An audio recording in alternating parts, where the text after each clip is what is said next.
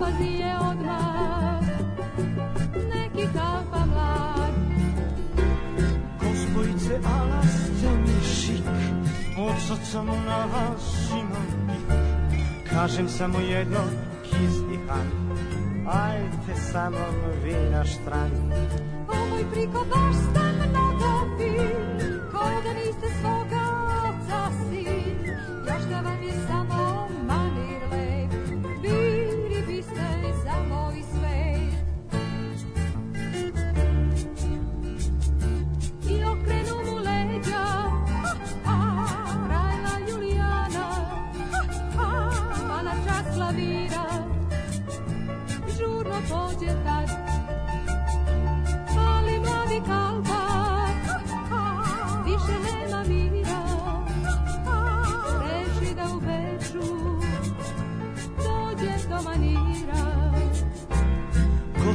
Gospojice, ala ste mi šik, sad samo na vas imam pik.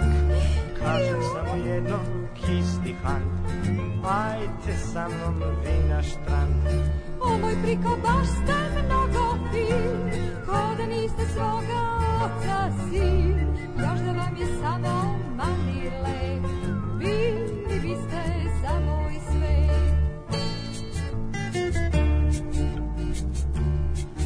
Obišao je momak, skoro pola beča, želeći da kupi kobni manir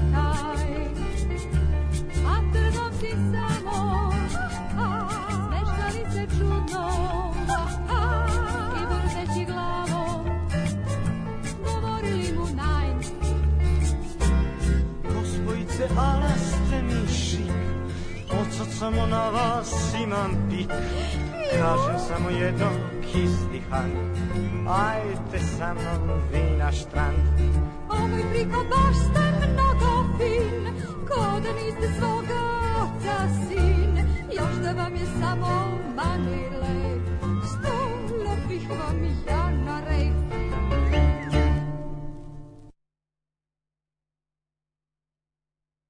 Und jetzt Felatio.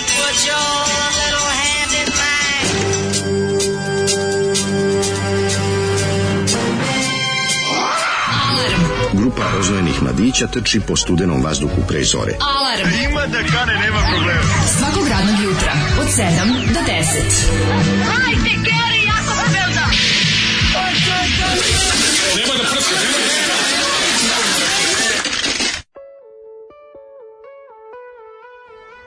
Je, the struggle is real, samo ću ti reći. The struggle is real. Još kad nemaš čime, pa nađeš neki ono, ja ne znam s čime sam ja ovo, Znaš kao, našao sam nešto u gepeku, tako mogu da kažem. Čini se strugo, našao sam nešto u gepeku. Da li je to neki... Ja sam juče dečije grabulje, ona s mora što su ostalo Pa da, pre da, dve da, godine. da, da, da. Kad smo bili na mora, već sam Pa, pa, zaboravio u koje gepeku godine. imam klizaljke, pa sam te od njima da krenem da radim to, da stavim, da navučem na, na ruku jednu, kao kao ovaj Tom Hanks u, u ovome, da radim Aha, zub. da izbiješ sebi zub. Samo što nije da svoj Da. zub se struže Ja staklo. mislim nemoj zato što ćeš jednom zato što će pući staklo na kraju. Nemoj. Znači, našao sam neki, ja ne znam šta je to, to je kao neka da neki poklopac od nečeg na akumulatoru, od nekog starog Black Horse piše njemu verovatno jeste. ono. Uglavnom na Ili to ili vibrator. jedna strana je bila, ovaj vibrator se ne bi upalio na ovoj zimi. Koji mora stružen ovako sa oko granom. Ovaj bar imao širu površinu, znači smrzao sam se kog govno jebote ono. I onda konačno kad sam ovaj krenuo je bila varijanta. Idem sad malo dužim putem da duže vozim da se ugrije nešto, znači. I obišao krug oko još jednog bloka što je bespotrebno bilo potpuno. A sam išao kupim klopu u Evropu. I onda ovaj doći došao tamo pri, prijatnih četiri ljudi ispred mene čeka ono.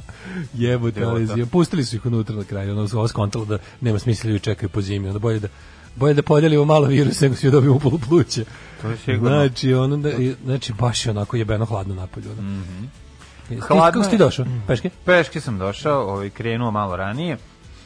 Pošto ove cipele koje imam nisu baš, ovaj nisu gojzerice što se kaže, više su za australijski buš nego što su za Pa ne, treba napolju zimu. gojzerice, nije napolju, nije napolju u zaleđeno, krizi. nema, nema, ići nikako, nema bljuzge, nema ništa, napolju je baš prava. lagana. krizi treba ti A to? nešto što je guma dole, da To, ti da. spra, da sme, smanji trenje koliko je moguće. Mada dobre, dobar kožni džon isto može i da spreči pad. Zavisi u situaciji, zavisi kako je baš ledera, sve je zaleđeno. Tako da se hode kao po jajima. Ja ne je znam da postoji John, da nije od gume. Sad mi palo kad sam rekao treba John od gume, kao čega još ima John. Od kože. No.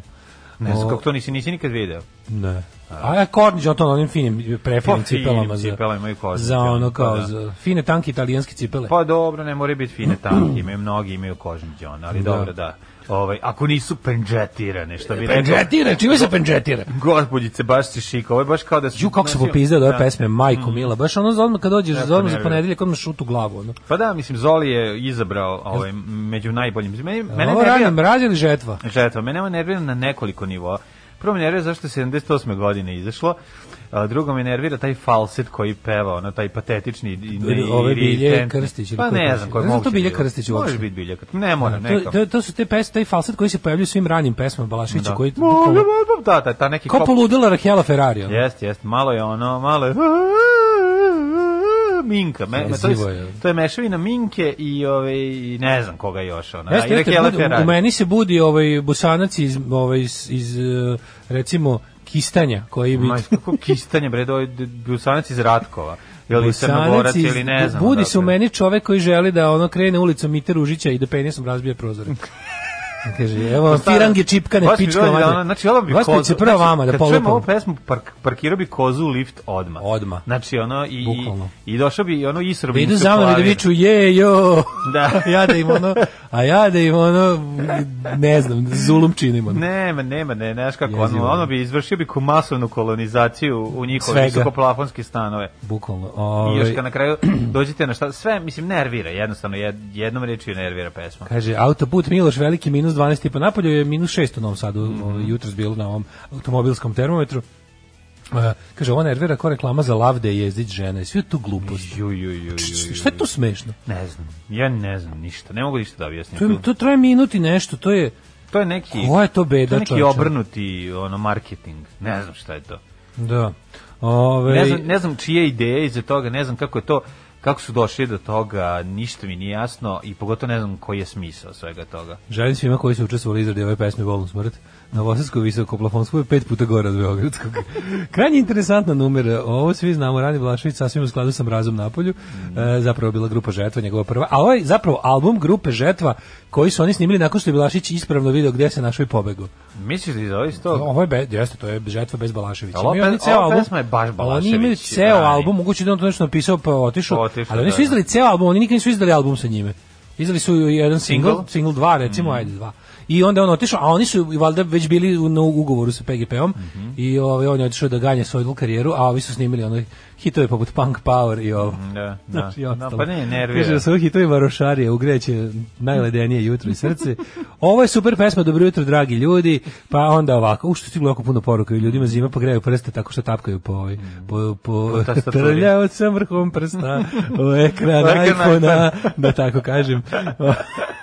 Ove, opa, mlađima dvojaka kola, šta sam propustio? Vidi Bratskog Jerkovića što nije u toku. Ja sam mislio da on zna čoveče karton vakcinacije tvoje dece, a ne znam. A Boratski Jerković mi je poslao pe, svoj bend, zaboravio sam sinoć da poslušam, poslušat ću danas. Je to band novi ili kad je nekad imao band? Pa ne znam, nisam stigao da pogledam. Što Ne bi volao da je novo jebote. Pa volao bi ja da je novo, ne znam. E, kaže da vam objasnim, Netflix da uzme za kod nas, nego verovatno već neko uzu drugi. Kad nekad, kaže, prava za male i ne baš najbogatije zemlje, kao što je naša, su jeftinije. Netflixu nije problem da uzme, nego verovatno je već neko kao pokupio. Kad distributer formira cenu, uzme u obzir i broj korisnika i njihovu realnu platežnu moć. A naravno, on se isplati da uzima. Naravno. Recimo Liga šampiona za Crnu Goru. Ili recimo kanal Golf Klub. To je najbolji golf kanal na svetu. Distributeri bili iz fazona daj da im damo sve što ima golf. Golf, Volks- Volkswagen Golf. E, da, da se promoviše golf drugačije i onako ništa ne bi uzeli. Fore kao što Amerikanci koji se lože na golf moraju da uzmu pet kanala da bi imali sve turnire na jednom mestu, a ovde taj, ovde taj golf klub ima sve velike turnire i to košta dinar. Pošto Da je to kao- golf dvojka dizel? to je tako? golf dvojka koji može da samo ide tas. na, samo tas koji može da ide na lož ulje, zato je tako dobar i cenjen. Ovaj gde mogu nam sada naučiti da sviram bubnjeve? Ili bar gitaru. Pazi, ovo daj šta daš, čoveče. Pa ima u Novom Sadu, imaš ono kulturno sklonište. Imam 26 godina i nižu muzičku violinu sam išla, kao ima ima i nešto malo muzič, muzike u sebi. Pa dobro. Znaš šta, ovaj, imaš nekoliko opcija. Ovaj, možeš ti lepo sebi da ukucaš um, na YouTube-u ono, neki tutoriale sviranja i lepo naučiš. A nešto mislim da A mora neko dobro, bar treba ti pokaže treba neko za osnov. Ne, neko. mora, upravo si. Pravo si. Ajde. Kap, to je baš onako, tu, tu što kaže, znaš onaj, onaj tvoj što pita kako to počinje. Da, e da, tu da. baš kako to počinje je teško. ono. Jeste, treba neko malo pokaže. Pa ima to kulturno sklonište, znam da oni drže časove, tako da ovaj, možeš tamo na, ukucaj pa pogledaj u Novom Sadu. Možda naučiš bubanj. Mm, ovaj, zašto, neka, zašto više ne koristite izraz živo u termometru kad čitate vremenske prilike? Pa, Zato što je to zato što Zabranjeno. Zabranjeno jer su tu zaštitili su kao ovaj, a, a, ovaj, autorsko pravo drugovi sa RTS-a, otkud znam, i drugarice. Ne znam, ne znam zašto ne govorimo, trebali bi. Kaže, nikad tačnije niste pričali o medicinskim temama nego u petak. Razlog što ima toliko bolesnih lekara u Srbiji jeste stres i izloženost velikim infektivnim dozama. Bravo. Da. Ove, e, pa kaže, slušam podcast, radim test na trudnoću, pozitivan je. Ako sve bude u redu, neće se zvati ni Daško ni mlađa. Je, bravo! Da li hoćeš da zaradiš 100 evra? Čestitamo. Naša akcija, nazovite sina Rade, Dragan ili Slavko, Da. i dalje je otvorena. Čestitamo, čestitamo, ovaj, držimo figi. Pa šta može bude Dragana? Hoće biti Ne, Ra- a Radica ne, Dragana za- ili čekaj, Slavka? E, pa nismo vidjeli za, za, Slavica. Za žensko ime uopšte nismo propisali ovaj.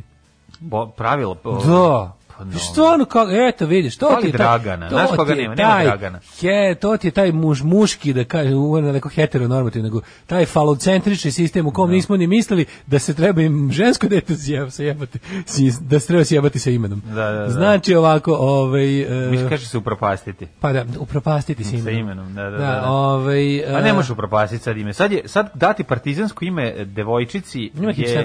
hipsterluk? Teški hipsterluk. Znači, Da, sada da. nemaš toliko, znaš, dati... Koja aj nađemo tri imena koje treba ljudi da daju e, devojčicama da bi od nas dobili 100 evra, a da im se svi smeju. Ne, od mene Pošto neće mora, dobiti 100 mora, evra. mora, pa to je zaj zajedničkog fonda. Ah, to je iz fonda za prvo dete. Odlično, znači to i ti izvuci svog fonda, nemoj davati Zašto neće? Baš dobra ljudima akcija. Da daju Dragan radi Slavko, da vratimo Dragana radite Slavko u opticu. Nestaće nema ni čovječe. Bojana. Ma ima, čovjek, Bojan se desi, rade Bojan se, ne desi. Rade, Slavko i Dragan se ne desi. imena. Rade Možda- Slavko i Dragan se ne dese. To su imena za koje Children of Tomorrow neće ni znati. Rade se desi, ali Slavko i Dragan se ne desi. Zato što Slavko i Dragan su partizani i njih nema.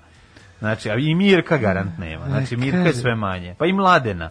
Sve ta partizanska imena njih baš nema puno. Hoćemo Slavicu na popis, njih više nema. Slavice nema, da, Slavica bi mogla. Slavica je partizanka. Jel tako? Slavica teška. Baš Ali Slavica sad postala sinonim, to je kao naša Karen, znaš, kako, kako čitaš Da. pažljivo. A zbog ovog, da, mudrovanje da, da. na Twitteru. Jeste, jeste. Sad su kao Karen je kao to je Slavica. Da, da, da, upravo si. To je kao žena koja nema znanja, a Iako je smatra. prvi partizanski film Slavica. To je prvi SFRJ film. SFRJ film, pa U da. svakom slučaju 46. snimljen. Pa da, da, Izišao. da. Još pucali Još, četnici. još, da, još pravi meljenica, puc- još ometao snimanje. Pa čuj Da. 58. Uhvaćen. Da, da, da. Dragana Radmila i Slavica. Dragana Radmila Slavica, može, može, može. E, dobro jutro. Dobro jutro. Yeah! E, i onda- Iggy Pop. Ne, onda sledeća stvar, Znaš za Iggy Main, Pop? Main Street Eyes. Sle- Sledeća stvar na albumu je ovaj Main Da, znaš kako počinje. Taran. E, da, da, to kad si se nečeg Oh, I feel so outgunned today. Predivno. Kad si se ono. naslušao nečeg, znaš, kad si se naslušao nečeg ili Da. na albumu ili neka kompilacija ili nešto, i onda ti to, kad si na taj način najviše slušao nešto, But I'll get onda, up and fight back anyway. Predivna, i predivna. onda kad krene, završi se neka stvar, tebi u glavi već počinje sledeće, tačno kako si se najviše naslušao. Da, i onda ima dva, divna dva stiha koja smo meni ti i ja, koje kaže Ove, Where is the you money, and I you are not main, uh, huge mainstream stars, but unlike them, we will really what we are. Pa onda ja tako kao, a to smo mi. We are not huge mainstream stars, but one day we will be on Mars. I Snickers. I To je što se nas tiče. I onda meni tako, ah, kako je to divan stih. Ovo je Iggy Pop. Kaže Daško da nazove svoje mačore partizanski, recimo mačak Toša, ne Tom Hardy. Tom Hardy odavno ovaj, je, više ne živi kod mene, otišao je na bolje mesto, u komšiluk. otišao tamo da mu prave, lo- da mu prave Gde- osleće u Aj sad iskreno, gde je bolje nego kod tebe za mač? O, ima bolje, znači verovo ili ne. Gde? Žena koja živi, znači dvorište iza mog pa dijagonalno, znači kući gledam cara Dušana, ona ovom govnaru pravi neki osliće u nekom sosu, ona mu pravi, ne kupuje. Pa pička i ja, materina. ste pričali Pa za kad si nekom pričali keru? komediju zabune. Kad Kad, kad sam sreo njega, rekao, gde si ti? Kaže, na, on je kod mene, to je moj mačak. Ja rekao, super, drago mi je, pošto ga svakako lažani Tomica, odnosno danas poznati kao Beki Bekić, ga je oterao, ovaj, kako se zove, ali najbolje je bilo kad se nešto ja pričam sad za to žena, pa lepi moj, pa disi, pa dođe on povremeno, tako da vidi staru, staru kuću, da se pobije sa ovim debelim nije- i da se seti zašto je otišao. Nije dođe da mu Kenja, kao jedna žde, Da, šta da, je da, da, otišao kao i dobro je da si me otero. Nik niko mi nije veću uslugu učinio ti, ono. Da, da. Ovaj uglavnom najsmešnije je bilo i sad mi to nešto kao pričamo i povisi neka treća kopšica koja je isto mačkarka i pričamo i kaže je da, eto, mačka. Kaže, kaže žena kao, ajde kao, ajde dođi kao ima ovaj, e, pravila sam ostaći. Ja debil mislim žena me zove na ručak. Ja kažem, ne mogu, imam ja. Ne, ne, njemu kažem. Ja kao, a ne prija. Kusi Pavić. Znači, ovo je baš... ovo Tako je pretpostavio da kao da, da, da žena kaže mačku, ajde kući, pravila sam ti osleće u sosu. Mislim, ajde dođi kao, ima osleće u sosu. Ja kao, Ju, u, hvala, ne mogu. Dođe, meni kad neka žena rekla dođi kod mene na osliću u sosu, ja bi se okre- okretao 15 minuta. Hvala, ne da mogu baš idem, to dogovorio sam se za neki ručak, onako, pa nisam tebi rekla. e, pa tako je bilo. Neprijatnosti, Da, da, da. Tako da, eto, zašto je otišao, čisto da znaš. ovaj. Juče se probudila kažnjivo rano. Izabrala random emisiju sa podcasta da poslušam od leta 2018. Debeli ima poplavu u kući, te je dobri čovek bio sam. Njegov glas i muzika koju je puštao su bili tako opuštajući i ja se vratila da nastavim da spavam. To je divno. Pa šta je lepše? Znači, šta je lepše? Znači, pro, prokletstvo je ustati nedeljom rano. Kaže, nije ovo kao kad dete pitaju da li više voli mamu ili tatu, obećavam poljubac od Sonje. Jeste Slavko partizansko ime, ali meni kad neko skrati ime na Slavko sav se naježim, to kaže Slaviša. Ma kako, ovaj, kako se zove? Pa nije Slaviša Slavko. Slaviša, Slaviša. Slaviša. Slave. Slave. Da. Slaviša je Slave, ako hoće, slave. Slave. Slave, Mr. Slave. Mr. Slave. Pa da. O, Hoćemo majice, još majke rađaju Dragane. U, dobra majica, zato što ta gađa, ovaj, e, još majke rađaju Dragane, kupit će i majka Dragane i Dragana. Tako je. Kontaš? Imamo duplu publiku. Radimo posao od Du, duplu, duplu, ovaj, duplo tržište. Ja. Ove, i ženske imena koja su utihnula Bisenija, spomenka i Radika, dobro, baš ne idemo u 19. vek. Idemo im- o imenima koje su bile relativno, znači, ja pričam o ne- ono što si imao u razredu, a više nemaš u razredu. Stvarno niko nije bio Bisenija nikad, ono, to je No, stvarno, to je dve generacije pre nas. Bisenija su bili ono moj babi u razredu. Nema Dragana, Radmila, Gordana, to nema. Pa čekaj, Radmila će možda i biti. To baš i neće. Pa nisi baš, ne ideš po ono... Svako ima, svako ima gocu u razredu, desad, desad goce. Gordan, znaš, znaš koga To lepo ime, jebote. Gordan. O, Gordane. Gordane je baš lepo ime. Da, da, da, da. da. Da. A dobro, Gordane, Radmila mi nije lepo Gordane su goge. znaš. Radmila mi nije lepo ime. Gordana mi je lepo. Mhm, Gordane meni su Od tih baš ono kijevskih imena mi je Gordana najlepše. Mhm, I to f- Flash Gordana. Slaš Gordana. A te lepše Biljana ili Ljiljana? Pa... Meni Ljiljana. Da, Ljiljana je... I ređe je bilo. Le, ređe su bile Ljiljane. Da, da, da. da, da. Imaš Ljilja čoveče, Ljilja je često, baš tako Ljilja je u, u švedsko ime. Ljilja i Goran, to, to su švedska imena, primarno. Da, š, Goran. I Goran je švedsko ime, najviše. Goran je švedsko ime, to je baš ono, mislim, tamo je često ono kao ime. Ne znam baš često baš Goran. Pa imaš Goran, da, Goran. Sven Goran Erić. kaže Jöran. Sve, sve Jöran se Da, izgo, da, da. izgovara. ono, Da. Ja sam imao desanku u osnovi. Da, da, da. Da. Ovaj kako si proveo ovaj eh, cold weekend? Pa moram da se zahvalim prvo Krudiju, ovaj, mom hakeru iz Botoša. Jel ti je uhako da imaš besplatno ka- kanal Balkan dno ili tako nešto? Nije. Ovaj nije, nego je izmislio. Balkan užas. Sam je snimio kanal za mene. Pa to bi, Da. to je, to je logičan nastavak. Ako Krudi jednog nema- dana ne budemo satelitski kanal koji se hvata viljuškom, ništa nismo uradili. Ne, ovaj Krudi je uspeo da mi skine helikopterse i da mi pošalje u originalnoj izvornoj verziji na švedskom bez prevoda. A da ti nemaš prevod, da. Pa ko ima prevod? Nema, ima kad pričaju na švedskom. Pa sačekaš tri dana, jebemo. Ma zabole me da čekam tri dana. Gledao sam za pet, eh, gledao sam pet min, sat vremena pošto je završen ovaj u- u Švedskoj. klapu udarili. Nego on lepo uzeo i to mi pred sve pretvorio i poslao mi ono na Vimeo i gledao i video Mhm. i ovaj sam uživao gledajući eh, zgode i nezgode koje nisam skroz razumeo, ali sam dosta dosta sam razumeo. Prvo što mi je jako zanimljivo vezano za taj dokumentarac o helikoptersima kako su oni zapravo postali dosta veliki u Švedskoj i danas sviraju na ono kvizovima u Švedskoj bukvalno na muzičkoj slagalici ovaj vam se pojavi helikopter koji sviraju 10 pesama pa onda ovi ljudi pogađaju na nacionalnoj televiziji onako dosta jaka stvar Ovaj druga stvar mi je bila interesantna da, da da im vidim početke kako im izgledao studio. Znaš ti koji je to ono socijala studio i producent koji ono seče znači u nekoj šumi u blatu u nekim ovim gumenim čizmama stoji i priča kako su kako izgledalo kad su oni došli kod njega. Naravno ja reč ne razumem. Znam da razumeš reč, ali to kad si rekao socijalnost. Ali mislio sam da sam- se gde si ti snimao. Pa to ti kažem isto ko Radule, znači kao Radule to studio, eto tako u, na Salašu, o, na Pećinim Salašima, ovo je identično, tako što mi je još draže bilo. Da, samo što Pa onda kad se bio, pojave to njima ljudi bio početak, scene, početak, a nama je to bio vrhunac muzičkog Pa snimanja. dobro, šta sad? Mi u tako? bolje nećemo nikad ući. jer smo tako u mogućnosti. Da. Ali ovi, bilo je tih nekoliko zanimljivih stvari koji se, pogledao sam kako se poklapaju stvari vezane za scenu i tamo i vamo. Kad krećeš sa dna i švedsko dno je dno, mislim, tako da ovaj, tu nema, dobro, ok, ma bolje su gitare, i, i- ali, znaš, isto je, Jedan u prvom redu pada pijan, drugi se udara flašom u istina, glavu. istina je da svačiji prvi koncert izgleda isto. Da, da, To isto. vrlo je slično, To je to isto. sam teo da tu kažem. može zemlja da bude najbogatija na Ali svetu. nisu to njihovi prvi koncerti. Mislim, oni su svi imali bendove pre toga. Razumeš, nije A dobro, nisu, da, da. Naš ovaj svirao Bubnjevu, Entombed, ovaj je svirao ovde, ovaj i Backyard Babies. Sve to naši zajedno. Nego zanimljivo kako su se povezali, zanimljivo kako su postali popularni. Ono što sam tripovao, da će kao 13. radnik da ovaj, slušajući švedski u sat vremena koliko traje dokumentarac do kraja vremena do kraja Progovoriti. progovoriti isti ali zanimljivo je da nisam Neverovatno, da mi, o i ne. dalje mi je se ona dokumentarac serija? prikaru ne skutene Kako se zove, kako se ovaj uh, Jared Pretender? Mislio si da si taj? Mislio da sam. Da, Great Pretender. Teo sam da budem više ovaj ovaj kako se zove u 13. ratniku da da samo načuljam uši kao čekaj ako ja ga obratim pažnju ako ne, znaš da švedski Značiš, dosta ri- sličan značiš, na engleski. ri- rifove ćeš Znaš razumeti. da švedski i ono bukvalno sam Si razume rifove? Pa jako sam razumeo rifove. Dobro. Tako da eto to je ovaj to je bilo što gledanje, ali sam ovaj gledao još To je ono ovu dragu seriju. Kombinacija između 13. ratnika i leningradski kauboj kako prelaze granicu.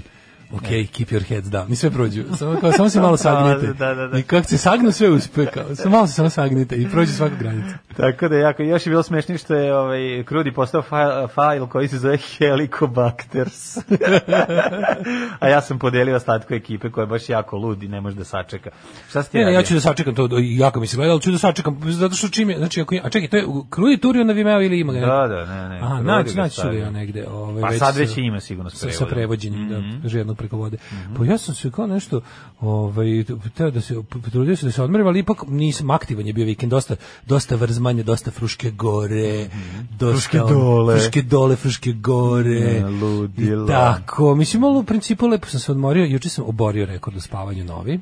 I spavao na, na, na planini. E, nešto Ili najluđe nisam, došao sam kući i, i ovaj, e, zaspao sam, spavao sam, e, probudio sam se e, u 13.24. U 1.24? Da, sam se Ali, kad si zaspao? Pa u 3 ujutro. oko, pa zapravo nisam toliko kasno, oko 2. O, u svinju. Oko 2. Ko si ti svinjao, čovječ? Znaš kako, je- znaš kako je Pa dobro spavati? život, A neću čoveče, šta bre, čoveče, spavanje je super. Ti si nečija prvo, a mačka, drugo, ti treba da izdustaju, Moguće. ti treba da izađeš, prođeš kroz onu rupu u što si izbušio, u ovom i odeš u nečiju kuću kod one žene što ti nije ponudila oslić. Da. Dođi kod mene na oslić Dođi i dođeš tamo. dođi da- ne ti. Dogovoriš mijao, daći ti neko nešto da jedeš. A sam, ovaj, treba ti kažem... Ali će te i obezmuditi. Šta da ne postoji neko takmičarsko spavanje? Ili reprezentacija zemlje u spavanju? Da- Gori. Da izvučemo ovaj da ima našu zemlju proslavim po svetu. Da budem reprezentativac Srbije u spavanju. Da, se, da spavam na prvom postolju. Ono. Pa ne, Da si pobedničko u tri kreveta. Tri kreveta, Ja na ovom na vrhu čoveče. Kako dobro, kako umem čoveče. Svi ko isto Ja prosto, prosto recimo kad se tako kao probudim se, ne znam, tipa utrgnem se u 7 i 15 zato što mi dva mačora skavuću po glavi da ih namirim. Kad im dam da jedu i kad se vratim Kako taj da se osjećaj- vratiš? Kako ti se nešto, kako se ono, kako ti se ne probudi nešto? Ja, što bi bilo dobro sad da ovo uradim. Svaka ti čast. Kako Šta? Pa ne. Šta u 7 i 15? Pa ja bi se ubio. Ja svako jutro ću se Pa ubiti jutro. pa imaš ono, ne znam, što, što nisam pogledao još, izašlo još 12 stranica domaćih matorki, otkud znam. Sve ja to stignem nekako i sa Dobro svojim... stigneš i u 13 i 24. Stignem ja tu uvek, ali taj, taj osjećaj kad se vratim pa na onaj jedan istegl i položaj taj za spavanje, to, to, to, to sve to je sve vredno toga. Vredno. Kao što neko recimo kad vidi jedan dečiji osmeh je, sad tako je meni kad se vratim. Kad vidim jedan krevet. Kad vidim jedan krevet, to, to mi je nekako to. Ja više volim kad vidim recimo sandvič dobar u, u, u odnosu na dečiji osmeh. Šta više voliš još od dečijeg osmeha? Jo, hiljadu evra. Um, kremu dinoćola. Da. Um, guzi dve zajedno. Mislim, sve, svašta je bolje od dečijeg Dosta, osmeha. ima dosta mnogo boljih stvari od dečijeg osmeha. Legendarni, genijalni, brutalni, totalni. Znači, LGBT jutarnji program. Alarm sa mlađom i Daškom. All share our dreams, all share our dreams under a communist moon. Komunističkim mjesecom uh, svi zajedno imamo naše uh, snove koje delimo. Jeste, ovaj, kaže, Krudi, snimio sam ti se RT Švedska 2, išla subotom u 8. Vidiš, to to je zemlja. Subotom u 8. Ove, e, kaže, u petak sam malo pokušao da pričam s antivakserima. E, ljudi, ono je nemoguće, skidam kapu osobi koja to možda radi. Pa da, jezivo. Ne, nema više min tu šta da, ovaj, Nemaš kad je neko, Nemaš. na, kad je neko nabeđen. situacija je tako da nema sad vremena za edukaciju. Znači prvo ono jednostavno kako ti kažem ugušiti to pa onda posle ćemo. Sad jednostavno šta da radiš? Na duže staze naravno da treba ljude ono obrazovati i naučiti ih nešto, ali to isto kad pričam ljudima kao, znaš, svi su kao začuđeni kad vide, recimo, kad vide, kad vide ljudsko zlo na internetu. Da. I onda kao, kad, kao kako je moguće, na primjer sad ješ, i bile sad kao, ne znam, prošle nelje, ono, ofanziva ovih socko nejebičara, četnika, klinaca, zlikovaca. Znači, oni sad su tu začuđeni i mislim, i ja kao neko ko se bavi, jel, ono, političkim aktivizmom na razne načine već milion godina, i meni je čudno da se prvi put u istoriji pojavila grupa ljudi koja za sebe otvoreno kaže da su zli. Došli smo ovdje, širimo zlo, nama je zlo. Znaš, taj nihilističko mizantropski pogled, kao u fazonu, život nam je jednostavno toliko sranje, sva- skontali smo da svet nema smisla i da život nema smisla, okrenuli smo se zlu kao zlu, jer nam je to zabavlja nas bar ako ništa drugo. Kao. I to je kao u fazonu, mi smo zli, mi volimo kad se dešavaju loše stvari. Mi kao, kad neko siluje, mi smo na strani onog ko siluje. Volimo da ubijamo životinje, volimo kao, uh, znaš, ono, mrzimo bilo koje ljude koji kao žele da, da kao to nam je, to nam je, to nam je fazon.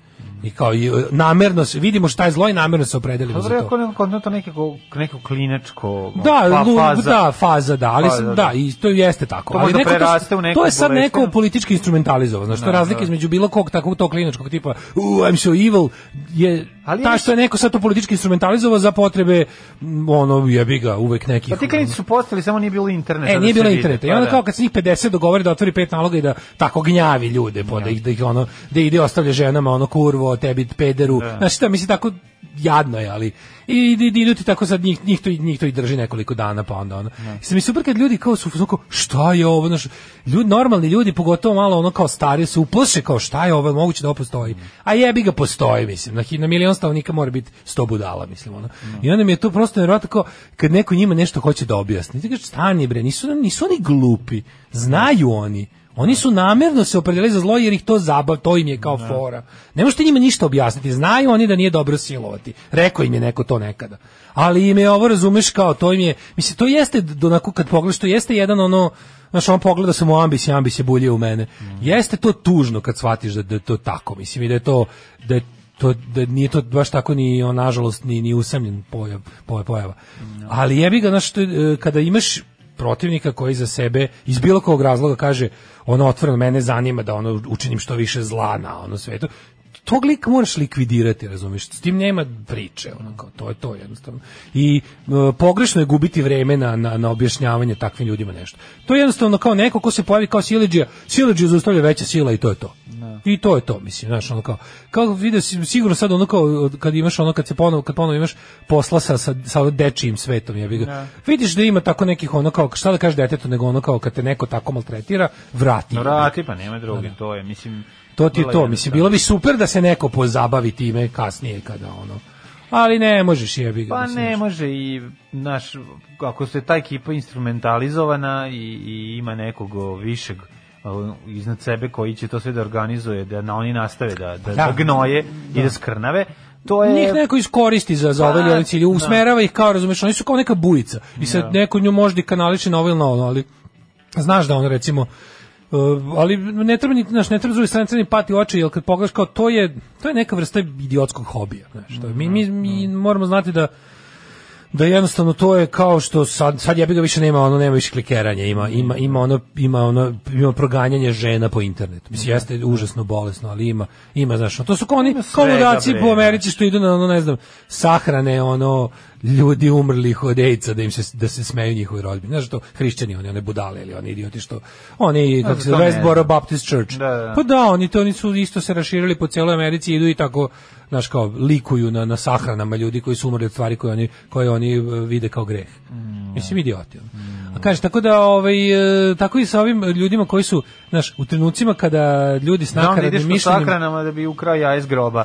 Taj deo mogu shvatiti, ali je likovanje O- radi... ovi ljudi sa nakaradnim mišljenjima u naučnom to nekom smislu koji su ono koji misle da imaju neko znaš kao to je to isto postoje trenuci u, u ono kao u u, u istoriji bi u društvu i bilo čemu kad jednostavno nemaš vremena za raspravljanje s njim, nego da ko, iskoristiš to što još uvijek, hvala Bogu, nisu ono većinski. Da. Pa, pa im zatrešte njihove gluposti za, za dobrobit društva. Mora jebi ga, mislim, tužno je kada mora, a nekad jednostavno mora gola sila na te budale. ono. Da, jezivi su, znaš, jezivo je kako Jeste stvari ta bujica jeste krenula. porazno, ali mislim, znaš, kao da bi, da bi, da bi imao sutra ko da se svađa, mora neko da preživi. Pa da, ali, znaš, kao, ja raz, razumem da su ljudi zabrinuti, jer ne očekuješ tako nešto, ali vidiš na osnovu Da. toga kako pišu, na osnovu toga šta su im avatar, avatari, vidiš da to zapravo ono nekoliko desetina njih koji rade, možda čak i manje, ljudi koji ovaj se ponavljaju i Fore- rade iste je stvari. sa internetom Da. što kada se dogovore, kad se grupa Da. tih obstruji, obstruan, obstruanata tako dogovori da prave sranja, uh, kažete 50 ljudi sa nekog gamerskog foruma može Pa da, napravi ali još ti ono, kažem, što to su- može napravi si to, to je- možete napravi utisak u jednom trenutku kad pogledaš to, Da. da, da kao u, je ceo svet To poludeo. jeste njihov mediji, ne razumeš na kraju krajeva. Znači, ono, ipak smo da, mi su duž, vični tome, duži da. period života bili analogni, Pa da. znaš, ono, a Pa oni da. su se rodili u digitali, što bi rekao, ti Da. se rodio u radijator. Rođeni u digitali, tako da su vični tome i to im je ono vrlo jedna obična stvar da nekog vređaju, pljuju, prete ovaj, na, na internetu. To im je ono kao dobar dan. Za doručak. Za doručak malo ćemo pretiti, malo ćemo ostavljati kretinskih komentara, malo ćemo mrzeti, malo ćemo lepati, lupati minuseva ili već kako, ovaj, šta je dnevna zapovest toga dana.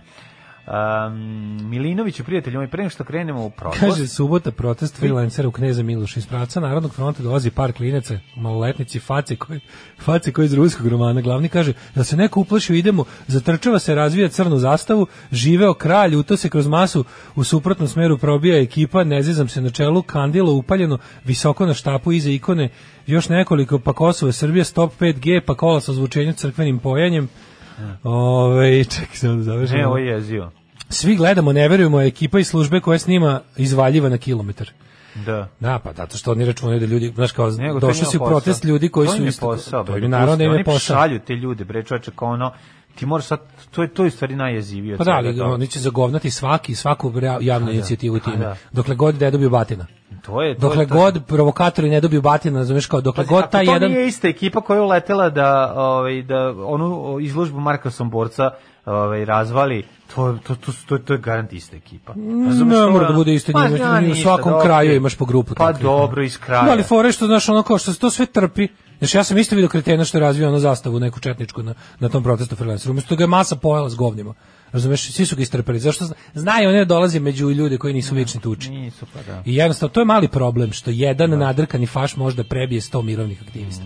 Zato što ljudi ne shvataju da pacifizam je ra- radi za fašiste. Nisu, znaš, ono kao, to je, mislim, to je još Orwell rekao. U vremenima ono kao nasilnih konflikata, pacifizam radi za agresora. Mislim, to je tako jednostavno. Jebi ga, agresor su fašisti, su uvijek agresori.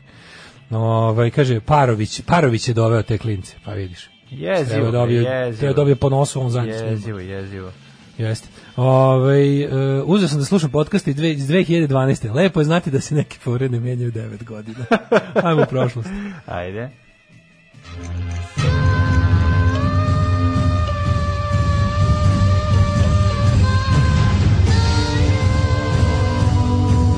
Dogodilo se na današnji dan. 18. je januar, ovaj, verovali ne, 18. dan godine po Gregor Ijanski kalendar. Ovaj, pa sam te da ti kažem, pošto je ostalo još 348 dana ovaj, do kraja godine, da li si možda razmišljao o tome da mi ih kažeš, evo danas već? Idemo kod Celjevu. Voliš kod Celjevu? Kod Celjevu? Da nikad bio kod Znaš, Celjevu. bio sam- ni- ovdje Kaže imamo u Koceljevu. Kisiljevo. A ni- Celjevu sam bio na Rakunijadi, ali u Koceljevoj ili u Koceljevi nikad nisam bio. Kako se pravilno kaže pojme? Vjerojatno u Koceljevi. Ne, u Koceljevoj. U Koceljeva, Koceljevoj, ne znam. Ovaj Gde se nalazi uopšte to? Da, negdje u Srbiji je. Ovaj, e, moja istorija počinje 350. Izvolite kolega. Rimski vojskovođa Magnenci je zbacio legitimnog cara Konstansa I. Mhm. I preuzeo on da bude nelegitimni car. I postane legitimni. Da. 470. maloletni Lav drugi, znači Simba, uh, Nemore plovac, stupio na istočno-rimski vizantijski presto. Ti znaš da su oni imali te, te tada podeljen presto, pa su vladala dva cara. Pa pola dupeta, znači sedneš i onda ovaj ko je s istočne strane pola dupeta, ovaj ko je zapadne i tako I sedi. svako imao svog zamenika još po jednog. To je bila tetrarhija. Tetrarhija. Tako je, pa ti vidi. 532. Mhm. Malobrojne carske trupe predvođenje Velizarom savladale ustanak Nika u Konstantinopolju na Koferu. Pobeda nad ustanicima trajno učvrstila režim vizantijskog cara Justinijana I. Tako je, onda 1520. Švedski kralj Danske i norveški Kristijan II pobedio Šveđane i osvojio Švedsku. 1486. malo nazad, no nastavio da učvrsti vlast engleski kralj Henry VII se oženio sa Elizabetom od Jorka, čerkom Edvarda IV.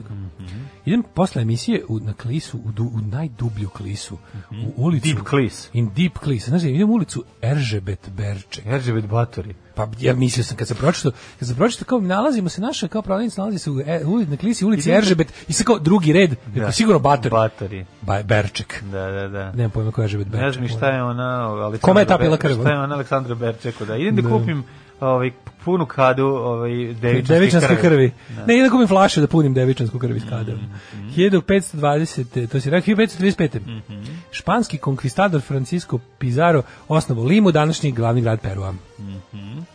Limu iz osmog putnika.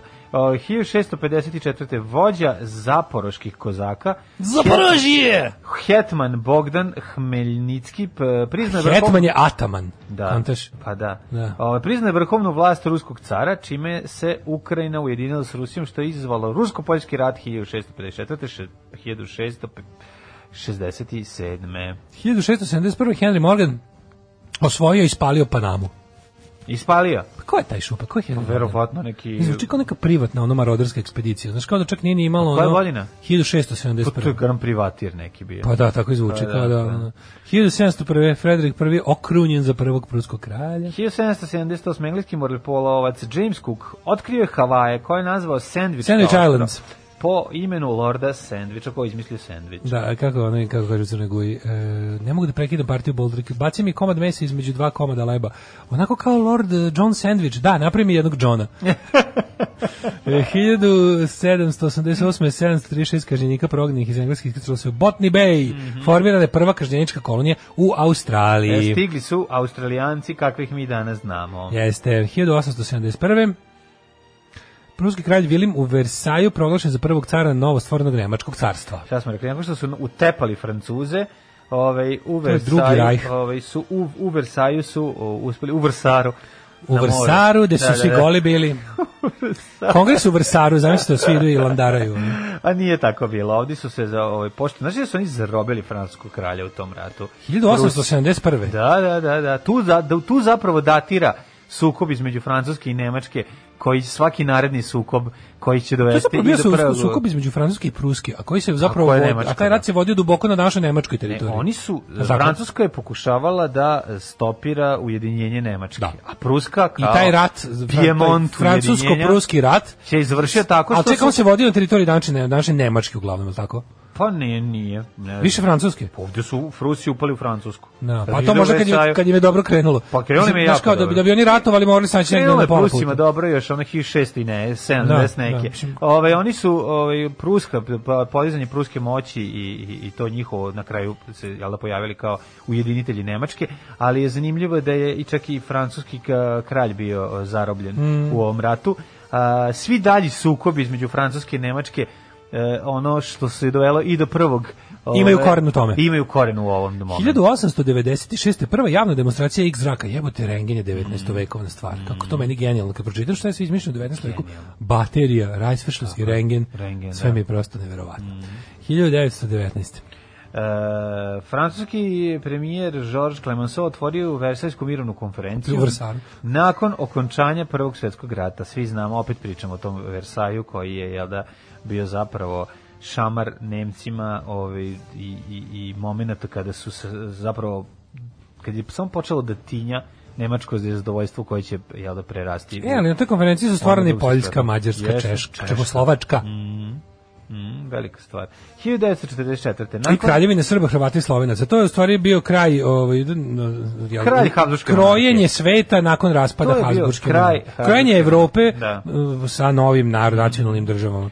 1919. osnovan Bentley Motors Limited. A, Bentley je jedan od najskupljih automobila ovaj, na svetu. Ipak sam ja više Rolls Royce. Koji si ti? Pa ja sam već da kažem. Da li više bi volio Bentleya Da ili Rolls Royce? Bentley ima svoje prednosti, ali je Rolls Royce klasika. Rolls Royce ipak veća klasika, dok Bentleya voze, vole voziti ovako imućni ljudi, ali ako bi mogao odbirat, mislim da su da je to recimo kao podela na Mercedes i BMW. Da. Jesam li ovo dobro rekao? Dobro sam rekao, a šta je tu Bentley? Bentley je uh, auto. 1944. nakon sedmodnevnih žestokih borbi sovjetske trupe su u drugom svjetskom ratu okončale blokadu Leningrada.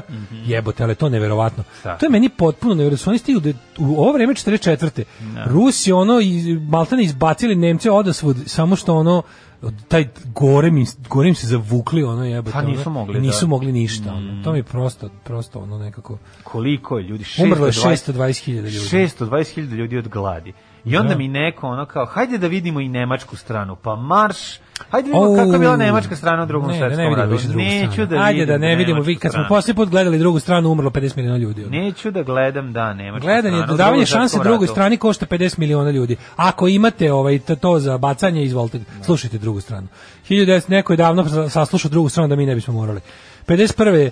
Počeo se prikazivati film Grešnica zbog scene s golom Hildegard Knef i teme o prostituciji i samoubistvu prerastao u najveći nemački filmski skandal. Nevjerovatno. Die Grešnicen. Da, nisam gledao Grešnicen. Grešnicen. 1963. Osnovan protektorat Južne Arabije. A, šta to beše? Ne, pro- podsjeti me šta to Južna beše Arabija. protektorat i bar na tren biti osvešćen. 1974. Posle Je to Suetska kriza? Ili Nije. nije? U kri- kriza bila 54. Lupiću sad, ne znam. Prva. Ovaj uh, mislim nije to to, nije nije. 77. Možda sam najteže. u Naj ne bila je upravo suška kriza je bilo 50-ih, nego da li to ima neke veze sa da se to tamo, ne to mislim. 77. U najtežoj željezničkoj nesreći u Australiji 80 ljudi poginulo, u Sidneju udario u betonski most. Majko moja. Pa onda, 89. 79. 77. U Amvinskoj nesreći u blizini Sarajeva poginuli su predsjednik vlade SFRJ Džemal Bijedić, Džemal Bijedić. njegova supra Razija i još šest putnika. Užas. 77. U najtežoj, da, to si rekao, Rekao. 89. Da, Česi. Četvrti dan zaredom Čehoslovaci slivali se ka centralnom trgu Vaclavskih namesti, pevajući sloboda, istina, ljudska prava u mirnom protestu protiv komunističkih vlasti. E, 91. parlament Jordana osudio vazdušne napade na Irak u operaciji Pustinjska oluja, pozvao arapske i izraelske zemlje na akciju protiv SAD-a i saveznika. E, Irak lansirao osam raketa Skad na Izrael u pokušaju da uvuče ovaj, Izrael u zalivski rat, ovi se nisu dali isprovocirati. 96. je Pasok izabrao Kostasa Simitisa za premijera Grčke nakon što je Papandreou podne ostavku. Ubrzo je Papandreou i umro i sećamo se RTS-ove reportaže sa njegove sahrane gde nismo uopšte imali pojma čemu se radi, smo sve vreme gledali Slobodana Miloševića Koji je bio koji je bio najlepši. Da, 1990. Znači, ja nikad neću zaboraviti taj reportažu pod imenom Lepota pogreba. Kako, kako osoba koja je tada ona bila speaker, kako posle toga bilo šta či bilo šemirala, koji posle posle izjave, kako ti kažem, naš predsjednik vidi ga. A, ono, išlo je ovako. Predsjednik sam, al najlepši. Išlo je ovako. E, u prvom redu vidimo mnoge državnike i ovaj e, lidere progresivnih političkih snaga širom sveta, među kojima se po dostojanstvu izdvaja naš predsjednik Slobodan Milošević. Pa jebem ti život. A To je, ali pazi, mi smo Ali imali da zbog toga što kreten išao tamo. Mi smo imali A prenos sahrane grčkog opozicionog lidera u tom Ali trenutku. on je stalno furao to dostojanstveno. Stalno je bilo nešto kao i on je dostojanstven. dostojanstven, pa Stalno je da. bilo kao A dostojanstven. bez što malo glupo reći da je lep. Znaš, Da, da. Kao da Ali ga- nije lep, mislim, realno. Pa niko nije lep, ja bih ga čim, Pa, čim se gura na čelo države. Koliko Pa, ima da. lepih ono če, čelnika države? Pa dobro, Boris Tadić Da. bio lep predsjednik. Ja, pa da, kažem ti, da. Ali niko ne umre za vreme njega pa da se istakne. Da. Ali je bilo fore što to stvarno kao, kaže, vidimo mnoge, ve- među kojima se po dostojanstvu ističe naš predsjednik Slobodan Milošević. Pa ti, Gari, ti si ono, ti si, kako ti kažemo, ono, to, to, to je... Sjemeničke znam. ukinule sankcije SR Jugoslaviji 2001. To je the outer wall of sanctions. Tako je, ove, nikad neću zaboraviti onog čuvenog skandiranja sankcije su pravedne. Ove, I 2002. Gledaj ovu sliku, gledaj ovu žvalavu sliku. Kaže, 2003. na šestom vanrednom kongresu SPS-a za predsjednika partije izabran je u tom trenutku haški optuženik Slobodan Milošević. Treba isto u Sava centru, sedete smrdine raspale i na prvom, uh, u prvom redu prazne dve stolice i džinovski portret Slobodan Milošević kao on sedi u prvom redu. A pored ono Mrkonjić, ko je tu jebote što Škundrić, ko je jako je brljava slika.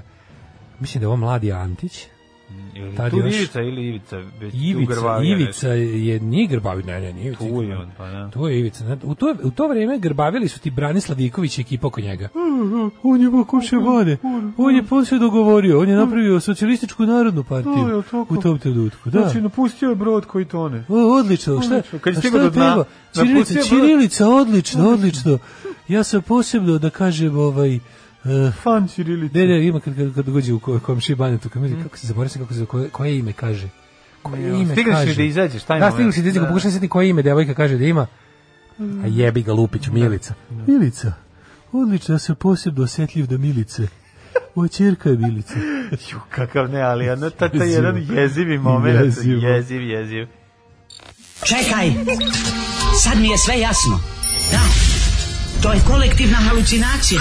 Alarm sa mlađom i Daškom. Svakog radnog jutra od 7 do 10.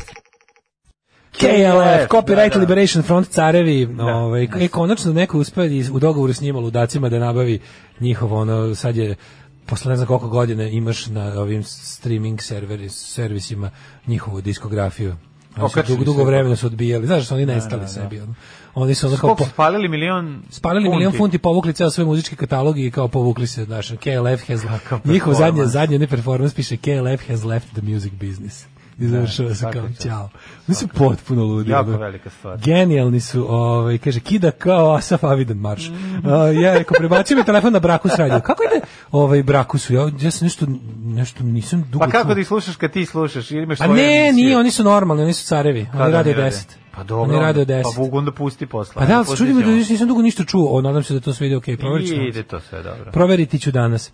Ovaj, em, kaže, mađarske pičke sa danom zakašnjenja čestitam vam dan Rusina. Hvala. Pozdravom kada, kada džil, džilo. Šta god to znači. Ne znam Ovi ko zna izmislili kakvu su. rusinsku kletvu sad bacili. Ko je? da? Koja kletva? Rusini, znaš da Rusini nemaju psovke? Kako nema, oni su Nemaju, opasni. nemaju. Rusin, kad te Rusin uvrača. Nema, ne. Vlah kad- beži. Kad te Rusin ulača, medenih kolača. Nema, nema, ti nemaju Rusini, Rusini nemaju psovke. A kaže, ali ima negde na YouTube-u izjava sa sahrane. Jebimo li ga, kopajte, nema pojma, možda neko stavio. Mislim, sad smo odmah našli komšiju Baneta. Odmah, Ivana je. Ivada, nije Milica. Ivada. Ivana, Pa ja sam posebno, da kažem, osetljiv da Ivane. Poseban odnos imam sa njima. Ili pitao i koji si znak u horoskopu, verovatno Kod Seljeve, kod Valjeva, to smo rešili isto reći za novu godinu. Dragan Jevučićević na Pinku kod Carapa izjavio, neće da plaće porez, taj Miran, on hoće ko Antifa u Americi da ruši sistem. Kao Antifa u Da, da. Americi da ruši sistem.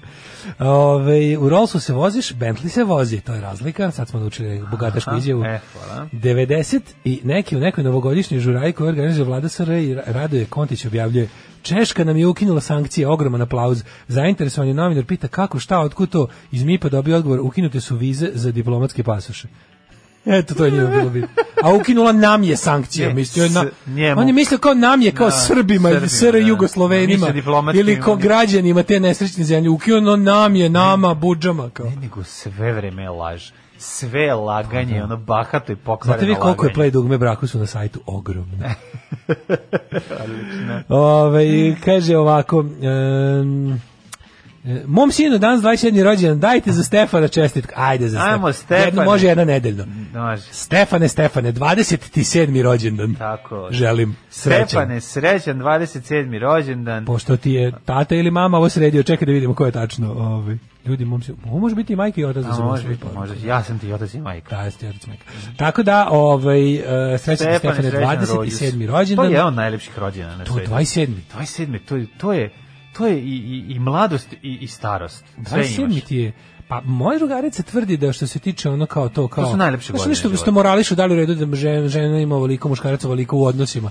Moja drugarica je izjavila nešto pametno. Posle 27 svi imamo isto godinu. Svi imamo isto, da, da, to veliko. Posle 27 Da, da, svi. da. Još 27 i više imaš isto godinu koji sve je u redu. Mislim, šta Posle znaš, 27 svi imamo isto godinu. Jedna velika mudrost, sviđa mi se. Hvala bi da sam ja to rekao. to, mislim, ti problemi postoje samo u ono patrihalnim društvima. Nažal, znaš, ono kao, odeš, pređeš granicu, odeš malo dalje, ideš u Francusku, ideš u Švedsku. Žena ima 20, on 40, ti imaš 20, ona 40, on ima 40, ova ima 60. Nije bitno. Kad se voli duš, šta ima veze koliko ima sko godina? Znaš, i pitanje ko šta voli, šta ga zabavlja. Na kraju kraja možda je to samo odnos samo jednostavno Može to dobro- samo odnos. ne, možda samo jako dobro pravi palačinke i to je njemu dosta. Da. Znaš, ono kao moramo razumeti on. Tako je, sve što je strano nije mi ljudsko. Pa mislim- Srpska radikalna stranka. Pa zar, zar, nisu, zar, Kako nije mi tusta, nisu- zar nije tusta opevao ono, danas ti je 50 i da tebi pevam Pa ja. naravno, nego pa razmišljam, mislim, kao, zašto ja nisam na vreme prodao Srpskoj radikalnoj stranci ovaj genijalni slogan i obogatio se za neke Pa izbore. zato što ćete ono što... jel da to je najbolji slogan nikada? To je najtačniji slogan neke političke organizacije koji nije iskorišćen. Što je strano, nije nam ljudsko. Srpska radikalna stranka. Pa da, ali, ove, ali to, to, kako ti kažem, to ne želim da, da se to tako... Ove, Pa znam, ali-. Inače da, bilo A bi zabavno, ali ne, mislim, Što su, oni što su dublje u, u, na margini, to su luđi. A sad se vraćaju u old school, sad su, ponovo na Sad su settingsima iz jedan 91. čovek, ono, sad pa znam, sad su opet settings iz 91. Ne. Sad, ono, sad, sad dođe Šešelj i iskenja ono tri čoveka Da. i sebe i oni počnu da gnoje. Tako izgleda ono njegov nastup. Rođendani, rođendani, baš mi lijepo stoje, moje oči izbeglice svjetlosti se boje. 1689. rođen je francuski filozof Charles Louis de Seconda Montesquieu, Montesquieu. autor kapitalnog dela Duh zakona, u kojem je razvio teoriju podeli vlasti zakonodavnu izvršnu sudsku, koja je Da. postala temelj svih Ne znam da si čitao moju knjigu demokratija. Zakon duha. Da, da. Ja sam radio knjigu. Zakon, Zakon duha, potpuno je ovaj, rađena je potpuno bez bilo kakve veze, ovaj, zato što nisam pročitao knjigu ovog Da, čoveka. ti u toj ti u toj knjizi deliš e, vlast na na na, na kako? Ne delim je. Ne delim. Ne delim je, samo Ni je moje. Samo je tvoje. je moje, da. Da. E, Oliver Hiljadu- Hardy, 1892. Stani, stani, 1795. Ana Pavlovna, ruska princijeza. A Voliš Pavlovnu tortu? E, volim Pavlovnićevu mast. Ne ne, ne znam Pavlovnu tortu. Kako ne, što je ona onako sva sa onim onako vazdušastim korama i Ne, pre, ne, prepuna dakle ne, voća. dakle ne volim. Ako se nisam zajebao. Da. Ovaj e, tortu Lepo koju kreneš da mi opisuš od kora, ovaj odmah odmah izbacim. A ne mogu ti od sredine krenuti, majko. Torta je, jedna prvo kora. torta je jedna velika sredina. Sredina, da. 1882. rođen je Torta je jedna velika sredina. Alan Alexander Milne, uh, autor ovih Winnie Pooh. E, Vinji Puh. 1890. Pustimo rusku verziju Vinji Pooh. Vinji Puh. Da, da, Ruski Vinji Puh duva lepak. 1895. Winnie Pooh se tretira vodkom i lepkom neizmenično. Baš je sad u kavi ispekao rakiju koju će popiti. Rekao si ovaj Oli od E, Oliver 1892. Hardy, on je, je li to Gembo ili Mršavko? Debeli. Debeli Stan je. Laurel je mršavi, Oliver Hardy je debeli. Oliver je debeli, A sad ću da, ti da. otpivam pesmu. Se kvado menci, boho Moramo pinci. isti, Pa, moramo uvek. A, ramensi, moho pinsi, va, rabeđe, Boho pinci je moj omiljeni stih. Da, da, da. 1896. Šana verio, samo da rite puta ne ne. Redu da Možemo da ceo- da pa lupaš. možemo sve. Sve lupete. Samo da pa diš je. Pa tako smo svi pevali, kao Samo klinci. lupete. Niko, ej, Ma, počinju ramensi, Stanley Olo. moho Se kvado menci, moho pinci, ma te ne da da dansi. I onda, Somewhere about the day, samo da mene pude. Znamo sve, ovo je francuski. Daško je mlađe. 1009, učimo francuski. Mhm. 1900. je rođen François de Menton, glavni francuski tužilac u nimberškim procesima. 1904. Cary Grant, englesko-američki glumac. Kakav je Cary Grant, da. I njegov Jeste, čuveni hit pravo ime Joanna, give me hope. Archibald Joanna, Alexander hope. Velika faca. Stvarno je bio Jeste glumio kod Hitchcocka dosta. Pa, je li Cary Grant glumio? Ne, to je Gary Cooper, izvinjam se. U, šta sa u ovaj tačno podne? Da, da, da, to je Gary Cooper. Gary Cooper, da. 1909. Oscar Davičo. Au, čovječ. Oskar Davičo.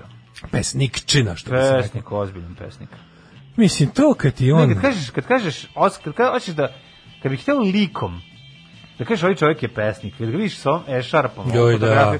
teški Da. pesnik. Jeste. Da. Danny Kaye, glumac i pevač 1913. Pa onda Aleksandar Gomeljski, košarkaški trener 1928. 33. David Bellamy. Jel da Ray preminuo Dolby. 2019? Ray Dolby, ovaj što je pro, izmislio ovaj Dolby Noise Reduction System. Seća se kad su bili klinci, pa kad Bilo je dugme, na je bilo ali dugme Dolby. ali bila, more, morala i sama kazeta biti snimljena u Dolby, da. tehnici. I onda si imao taj, a posle Dolby bio i onaj, imaš Dolby Noise Reduction i Dolby Stereo Surround System, da napravi to kao prostiranje zvuka s jednog na drugi kanal. Mu. To je bilo značajno za bioskop, recimo. Anthony Giddens, 1938. engleski sociolog, Bellamy smo rekli. Voliš li Antu Žanetića? A, po, ne znam tko je. Tko Anta je? Žanetić, e, futbaler. Mhm. Paul Freeman, engleski glumac, 43. 47. Takeshi Kitano, reditelj. Mhm. e, Žil Villeneuve, automobilist 1950. kanadjanin. Džamonja Dario, novinar i pisac 55. Mhm. Gilles Villeneuve, 1950. Majčin Kostner, 95. Kevin Kostner, američki glumac i Glumac, producent. reditelj, producent, e, čovek koji je nakon onog... Čovjek koji je uspio da za života ovaj, sa neslučenih visina, bio je Mhm. najplaćeniji, najtraženiji glumac, napravi komercijalno samoumorstvo, time što je teo da bude producent, nešto se, on se tu nešto zamerio nekim ljudima kojima nije treba. Ja kapiram, Nije, zamerio se gledaocima kad je snimio onaj vo- vodeni Mlađe, svet. to je puklo zbog loše distribucije. Nije to, nije to. Nije, to nije dobar film. Pa dobro, nije dobar film, brate, koliko ima loših filmova koji su, znaš, ono, Misliš da je zbog loše distribucije puklo? jeste film loš, ali ti da bi, problem je što ga većina ljudi nije ni videla. Ima je loše, ti može, taj, ja se dobro sećam da je on nešto tu Dobro, izašao. moguće, ja se ne sećam. S kim se popičko tačno ne znam, ali neko je trebao da bude distributer tog. Taj film To je je kraju da bude kao, vodeni Mad Max i nije uspelo, mislim. taj uh, ovaj kako se zove film je trebao da ovaj bude u nekom ne mogu setim ko, mislim, taj film većina ljudi nije ni videla, zato je on pukao. Razumeš, taj film nije Ne, imao dobru problem je što distribuciju. većina ljudi videla taj film i zato, je- zato ga i nije želela još jednom da ga vidi. Ali mlađe da je većina ljudi videla taj film, on bi bio bogat, što ima veze što je film sranje. Da, da, Kapiraš, da, nije to da, fora da, to, da. fora je što nije, Da, nije, nije bio bio, nije, on je bre čovječe prošao kao indie movie na kraju. Pa Kako to moguće, košta nešto 200 Košta, miliona? pa, ovaj spucao, nadija će distribucije vratiti pare, pa nije. da, Ali žao mi ja se sećam da. recimo i ovaj, Ali ne bi li ga- plakata na ulazu u bioskop Partizan prošle nedelje vrlo spominjan kad smo kad smo išli Da. ovaj um, Water kako se zvao E, neki nemački sa šoranjem ali se zvao nešto Water Sports World. Ne, Water, nešto, Water Well nemački je bio i pisalo je, i pisalo je ispred kao, stvarno ima, i plakat za film, pazi. I, pi, I bilo je, na plakatu je pisalo, saznajte zašto je Kevin Costner želeo da glumi u ovom filmu. da šore. Zašto je Kevin Costner želeo da šore po njemu u ovom filmu? Ne znam, A, ali, ovaj, ove, ali pazi, da nije bilo tog pada, mi ga ne bi videli u, u reklami za Rio Mare, tunjevinu, razumeš? on, on je imao i posle, to, on je posle toga ima pokušaj, ne bi da, došli- on je imao pokušaj da se, isto film koji me pukao, a koji je meni dobar film, onaj Postman. Meni je to okej film. Ček, ono kad on onaj... Ona postapokaliptična Amerika kada ono kada on ono ujedinjuje zaraćena plemena američka u postapokalipsi. A on je kao bio postman u, u ovome u, u, u- za, za, za vreme civilizacije. Kao neki, mislim, to mi je okej film. Mislim, nije sad ne znam šta. Ja njega volim, on je meni dobar glumac, on glumi Elvis, kad, kad pljačkaju kao Elvisi. Onaj 30,000 Miles from Graceland. Gen, 3000 genijalan, Miles from da, Graceland. genijalan Super film. Super film, dobar je u onom kad Clint Eastwoodom, kad ono klinca. To je mora- savršen svet. To je predivan film. Predivan, on je odličan. To je predivan film. Super glumac. malog Jehovinog svedoka. Da, pazi, preterano, znaš, kao ima, pa, pa, odlični su filmovi. I ne? čuveni film gde je on u beloj uniformi u Pentagonu, nego uvijek tako opisujem, pošto nikako Da. zapadni kako se zove. I posle snima sad nešto i kod nas. neki tako desperate neke- measures. Ima svako ko spadne na svako ko spadne na snimanju u Beogradu nije mu dobro. Uh, 68. danas je rođendan Gagi Mirković. Danas je Dragana Gaga Mirković, danas je, danas je haos u, u zamku ovaj Danas Mirkovića. je, da, zamak slavi. Da, danas u zamku ludilo, da. To je mlađe, tvoja je moja omiljena pevačica na koju se ne palimo. Dragana Mirković, pevačica, smatraju najvećom zvezdom 90-ih, jednom od najvećih zvezda srpskih ikada. Ona je Pa i prva post-jugoslovenska je zvezda, prva post-jugoslovenska zvezda, znači ona jeste počela karijeru ali njena slava je bila nakon raspada Jugoslavije najveća. Jeste, mlađo Pa neko, vidi, kad si ti trio, kad si ti ono fantastična četvorka Mileta Basa, znači kad te, sad ti zajedno ideš na turneju sa Šemsom Suljaković, Na toj- Kemalo Na Malovčićem, toj turneji je ona spavala u vreći, razumeš? Nije ona spavala u vreći, ne, ne, Kad se išlo na te velike Okej, južni vetar turneje, jeste. to je bio punk. vidi, jeste ona Pričali to su ljudi ono. Pa dobro, ali nije, Nije, nije to bilo glamurozno. pa Tu- ne mislim da je je- glamurozno, bila popularna već. Mlađo, to je nije... e, Ali jeste, kažem, 90-ih je postala... 90-ih je ona. Ali opet je 90. nekako ceca iz, se izbila 90 A, više. može, može se reći su podelile to. E, ova je bila zapravo najluđe od svega što je Dragana Mirković u vrijeme kad se rat zahuktavao, žena koja njima nikakve veze s time niti na bilo koji način doprinula i svaka je čast tome, zato ona za mene velika. Velika, Ove, ona je bila je pevala te pesme o ljubavi kretenske i debilne, ove, ali iskreno, znači ona je bila baš, za, baš ona muzika za devojčice. Devojčice su nju najviše volale. Onda kad je pojačano guranje đubreta i kad je Srbija počela da gubi ratove i kad je počelo da sti, e onda su izbacili ovu kalaštoru u prvi plan. Je ceca odmah bre 90-ih. Ali kažem ti Dragana Mirković je bila, da. ne, Dragana Mirković je vladala 91. druge, treće. Slatko od snova. Znači ona je snimala svoj film jebote. Kad je padom Jugoslavije pala Brena sa trona. Da, kad je pala Brena, Pala Brena, pojavila se Dragana. pojavila se, dve. Figurirala je Da. Mm. 3-4 godine, ne, ono, suvereno. Dok se Ceca penjala. E, kad se Ceca popela, istina da je Ceca nju prevazišla po slavi kasnije, je. ali ne u isto vreme. Ne, znači, ne, kad je ova počela da, da ono, u njoj je kao, Dragana Mirković kao da se nekako, kao da se umorila. Za mene ona nju nikad nije prevazišla. Ona je kao da se u nekom trenutku umorila malo od svega toga. Ona se Pa, kao, ona kao da se čovjek treba oprati zamak. Znaš ti koji to posao? Nikad još bio Samo- zamak. Zamak je došao 99. 2000. Zamak je došao kasnije. Kažete, ono Ono što kao znam, se- da je ovaj, za vreme snimanja Stala Slatko snova, kad je umro Đoka Rakić Pičkir, se vam predstavlja, ovaj, ona je morala da odlazi i da bi završili film Slatko snova, morala je da donese pare. Ode, Jel, ona, se, i donese e, ona je da. tezgarila vikendima i dolazila i donosila lovu da se film završi. To je si, pa to je, to je vjerojatno jedan najgori film ikad snimljenih, ali super što je bila njena klinačka želja da ima svoj film kao pevačica da. kojima se divi. Ali I onda to nekako nije pevala je hitove, znaš šta je tu znaš, ono, dobro? tu pevala i hitove i tanite tikaram i ne znam, znaš, ono kao bi bila je, i bila je i pevačica iza strano tržišti. Ispo- You're a Ferrari, turn me on, me out. Ne, naravno, ali hoću da kažem, to je bilo fair, brate, to nije bio državni projekat. Ona je to sebi ostvarila de, devojačku želju. Šta smo rekli? Uvek tim Dragana, nikad, Nikad tim, tim Ceca. Ceca. Tako je. Uh, 69. David Michael Dave Baut Bautista mlađi, američki glumac i profesionalni hrvač. E, Ivana Kindle, hrvatska Sad pevačica. će nam se javiti žrtva Dragane. Mirković koja ne može da napusti njen zamak. Već Lako radi je tamo. vama da pričate. Već 20 godina radim, ovde nisam ovdje ne mogu signal da uhvatim. Ne mogu da izađem iz zamka. 1980. E, Goran Jeftić, srpski glumac, 1978. Ček da vidim kako izgleda Goran Jeftić, zaboravio sam. A da, znam. Pa to je Goša. Kako se zove? Go, kako, kako je Goran Jeftić? Goran Jeftić, ovo što su ga bili... da, što su ga da. Gonđa. Gonđa, da, Ovo zaboravio sam, da, nije Ovo Goša. što je dobio uslovnu kaznu. Da, da, da, da, da. Sara Gilman, eh, TV glumica, Mhm. Claire Engler, američka TV glumica. Umrli na dan 18. siječnja. John Tyler, američki političar i predsjednik. Paul Verlaine, pesnik, 1896. Rudyard Kipling, Tako je, 1936. Bićeš mrtav sine moj, 1936. Dragiša Mišović, 1939. lekar i komunist. Komunist. Da, je li streljan? E, Dragiša Mišović, e sad ne znam ti kažem. A mislim da je narodni heroj. Ja mislim. E, Džemal Bijedić smo rekli. 77. Karl Zuckmajer, književnik, uh, Wilfried Brambel, glumac, 1985. irski. Uh, na današnji dan umre Sergej Krajga, 2001. Sergej Krajger, slovenački i jugoslovenski politički iz vremena komunizma. Se sećaš Sergeja Krajgera? Pa, sećam se, ali ide, sećam se i Serđe Blažića, pevača grupe Atomsko sklonište koji je umro 80. Ali je Sergej Krajger je nekako bio već, u, kad sam ja bio klinac, on je već, on je završio karijeru već početkom 80-ih, nije ga više bilo u medijima, samo više bio kao ponako, društveno politički radnik u penziji. Penziji, da. Milica Manojlović, uh, umrla 2008. osnivačica Hora Kolibri. I 2015. Predrag Simić, profesor fakulteta političkih nauka i bivši ambasador Srbije u Francuskoj i to oni su njim brkovima. Je stigla penzija? Stigla je. Ne možemo mi od toga živati. Alarm svakog radnog jutra od 7 do 10. Pa šta, treba imati dobre odnose sa istokom i sa zapadom. Tako, maj- primiš, ba- primiš maj- Pfizer prvu, drugu i kinesku. sa onda. Mighty, mighty, uh, Boyston se smo, ovaj, i na kraju ruskom zapečatiš. Pa da. Da ne mogu da Dajte i treću. Neka Ko uzet ću- sirotinja? Ne, uzet ću rusku, zašto? Pa zato da Manje ne bi, pijem. manje pijem. Rekli su da ne, ne, ne Znam, radi misli bez to kao u fazonu, pošto ćeš da budeš srpska spoljna politika, uz, da, da. imaš u svojoj ruci. Da, da, se- stisneš i da prdneš. Primio sam Pfizerovu vakcinu, a na revakcinaciju ću kinesku. Pa jebi ga lepo da budem dobar. Mislim, to je naša spoljna politika, četiri stuba. Sećaš četiri stuba spoljne stuba politike? na koji sedimo. Dve vakcine. Mi ne sedimo na dve stolice, mi sedimo na četiri, Četiri stuba. I zato nam je tako. Svaki smo po dupe nabili. Da.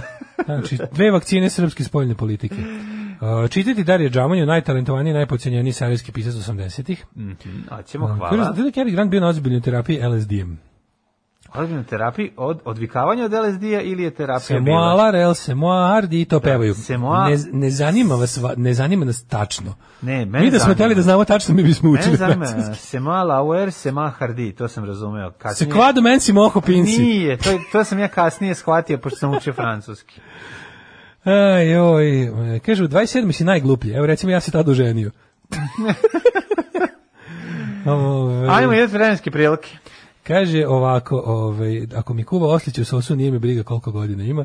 Ovaj, pa onda kaže, eto, ja imam sina koji može da vas bije ako mi ne pustite cyber insekt.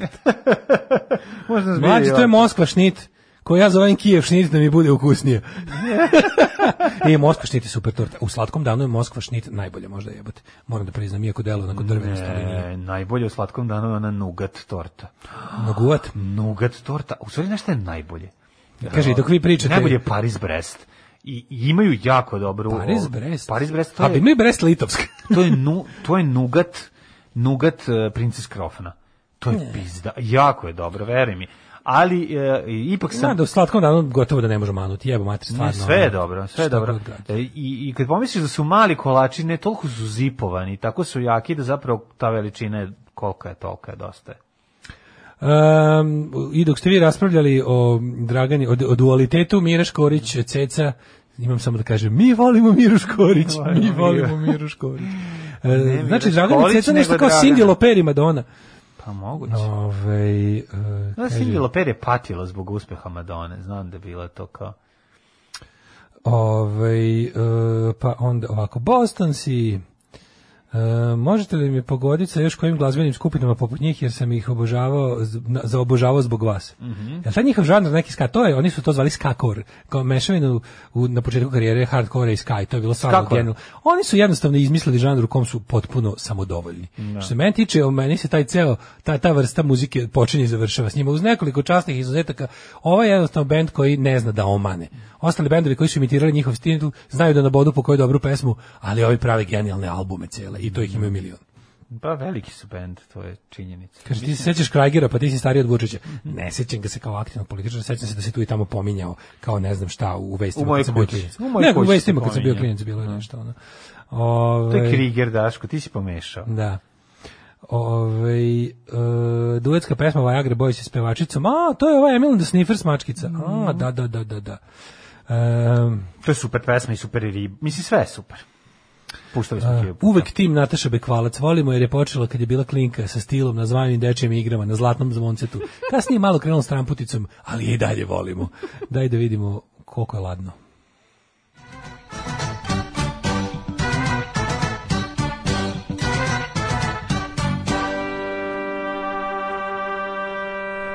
A bog ti čoveče, ja osvježavam sve u nadi da će se nešto desiti, ali ne, pazi, minus 11 u Subotici, Sombor minus 7, Novi Sad minus 9, baš je ladno jutro.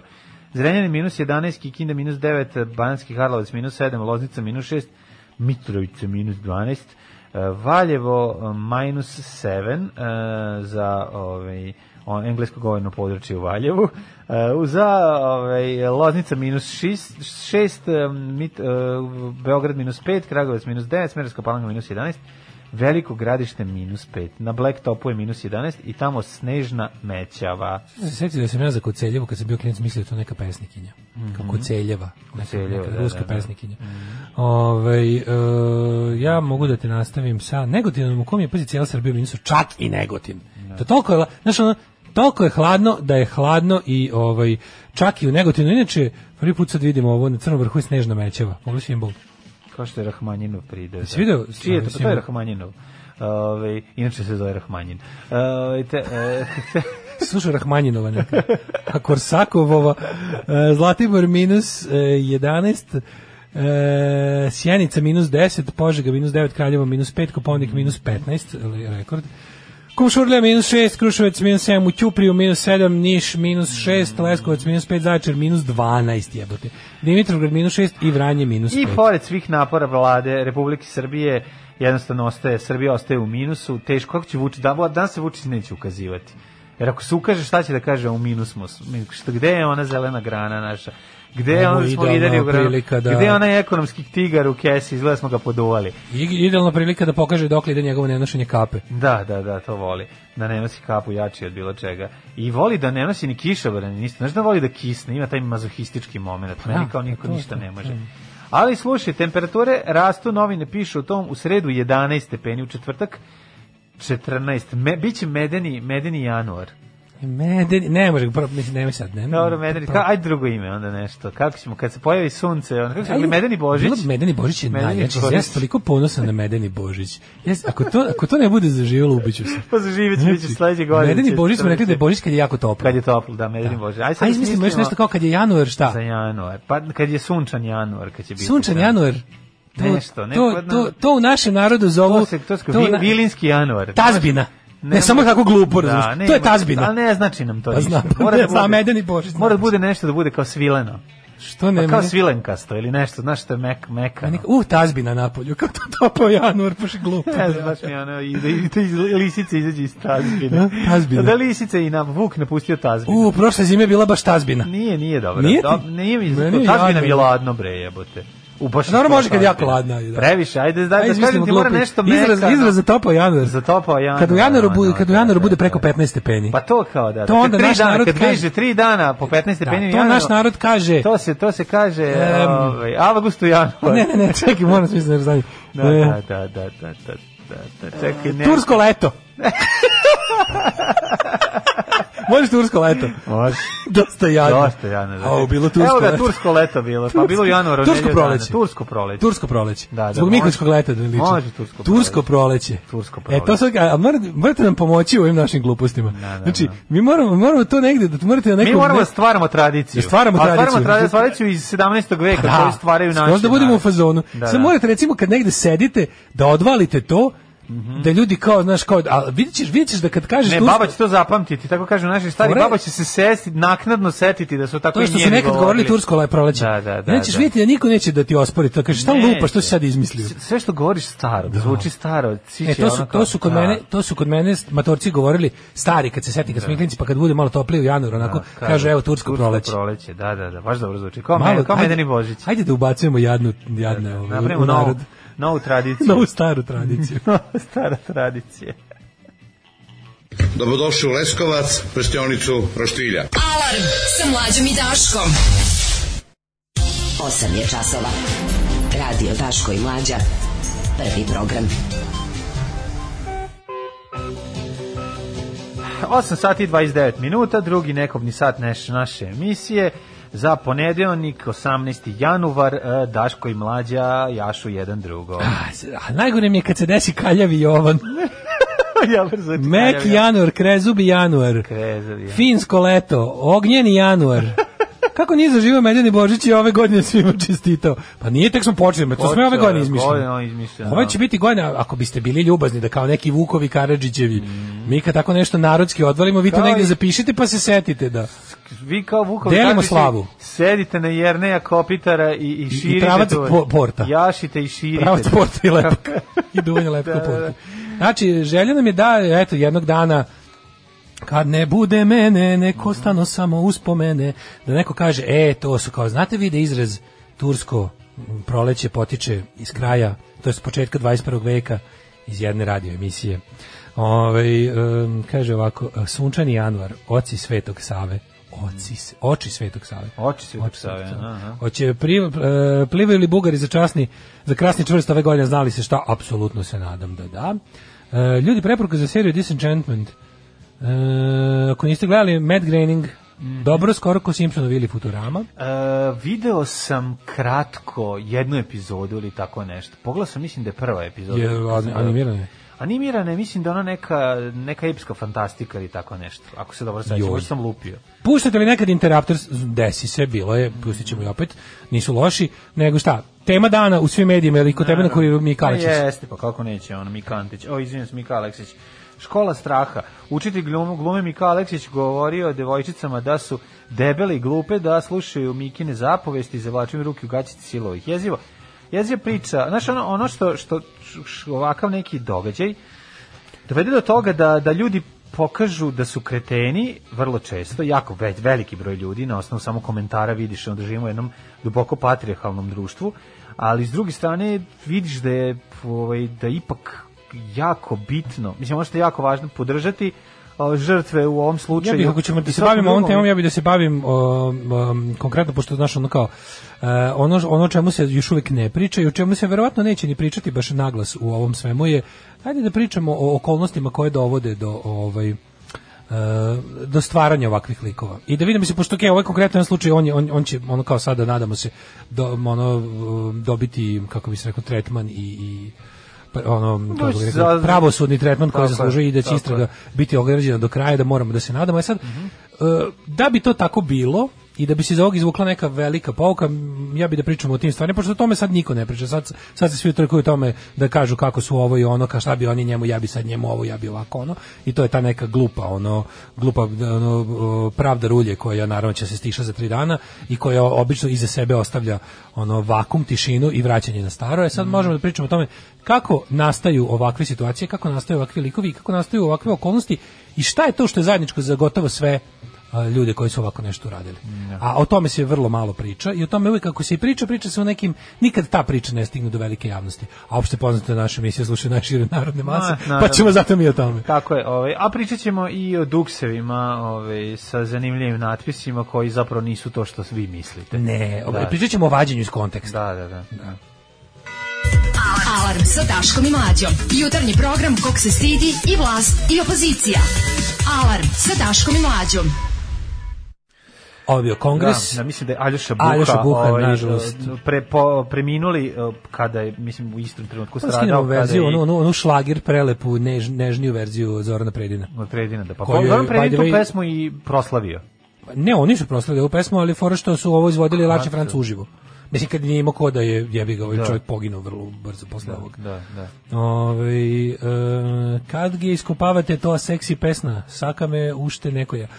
Juče me, juče me naša... Bernes propagande smo slušali pre toga, a ovaj Juče me kongres- naša drugarica Natalija tema. podsjetila na moju tvoju diskusiju. Moram reći, Znaš kada se smeju sopstvenom fazonu. Znam da je to malo jadno, ali ovaj, e, smeo sam se da ja sopstvenom nešto fazonu. Pa da obojice smo bili. E, hvala ti.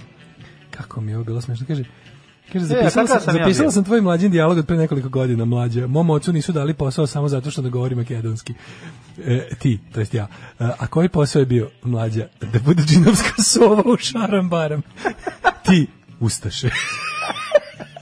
Mislim, stvarno, stvarno, stvarno kad se podsjetimo našeg starog fazona, pa da se iskreno, bilo je fazon kao, ja da sam ovo čuo kod nekog drugog isto bi umro od smeha, dakle, stvarno je smešno. E, ovo jeste dobra stvar, ne, ne mogu da... kada- zato što nek, podsjetilo me zbog ovoga, ovoga, kako se zove, makedonskog. Aha, zbog, Ove. zbog Bernis propagande, da. Jeste. Ne, zanimljiva je cijela priča vezana za tu pesmu. E, govorimo o, o, o, o, zar, zar, Zarijavelim o za, zarađalim trubama, da, i grupi Kongres i zapravo to je Buha koji je Koji odrast, album je koji je ono, kome su, koji je bio slovenac, al tako? Ili Mama majka mu je bila bila Sloven. slovenka, pa je on, on, je, on je naučio prvo slovenski, pa tek onda da. bosan. Da, da, da, da. Tek onda srpsko-hrvatski. Pa da, tako da je jako Ali taj, taj album, taj album, ovaj... Uh, Ja ne znam kakav je taj ceo album, jel to ima album ili samo Imam ja ploču, potpuno genijalno. Genijalno, da. Ne, Svako avangardno ludo, Da. super je, sve su tako neke blesave, ono, kao neka, mislim, kao neki, kao magazin, recimo, ne to band magazin, ne magazin iz Splita, nego kao band, band magazin što je iz Baskoksa, Howard Devoto. Da, da, da. Kao onaj album Real Life, na to podsjeća dosta i tako, skroz onako, post-punk Bosna jebi ga. Zanimljivo, Mislim, zanimljivo, super je, da. Ovaj, e, da, priča koja je, ono bukvalno na svim naslovnim stranama, e, seksualno zlostavljanje polaznica škole glume, E, Vlasnik čuvene kad se desi ovako nešto, kada se otkrije da je nešto što je smatrano za ono kao prestižno i super i besprekorno i divno, kad se otkrije da truleži iza toga, onda uvek kreću ono, bukvalno, kako ti kažem, ono, faze društvenog hendlovanja toga, A ono velika što je... brana, ovaj koja je bila imala pukutinu i ta pukutina je sad ono Sad je provaljena, provaljena da. Sad i, i napolje grunula je poplava. Da. A poplava je užasna. Mislim ono što što šta smo imali prilike do sad čuti od sa pet od mislim od strane jedne ovaj polaznice ostalo su ovaj ostalih četiri su se javile sad je pitanje koliko će se zapravo javiti njegovih žrtava to je prva stvar a druga stvar što je ovaj što smo videli da društvo kada se ovako nešto desi, mi spektakularno ono ljosnemo još dublje. Ja kažem da ne komentarišemo što neko reče, mislim Bojana Malović je napisala dobar ovaj Pa napisala je zato što kao nije Na, ništa- napisala prvo, prvo su, su kao skočili na nju, mislim šta Da. šta je ona krivo? Mislim ideja da se krivac traži prvo svugde okolo, pa tek onda kod krivca je genijalna i to je prva ljigavština ovog društva.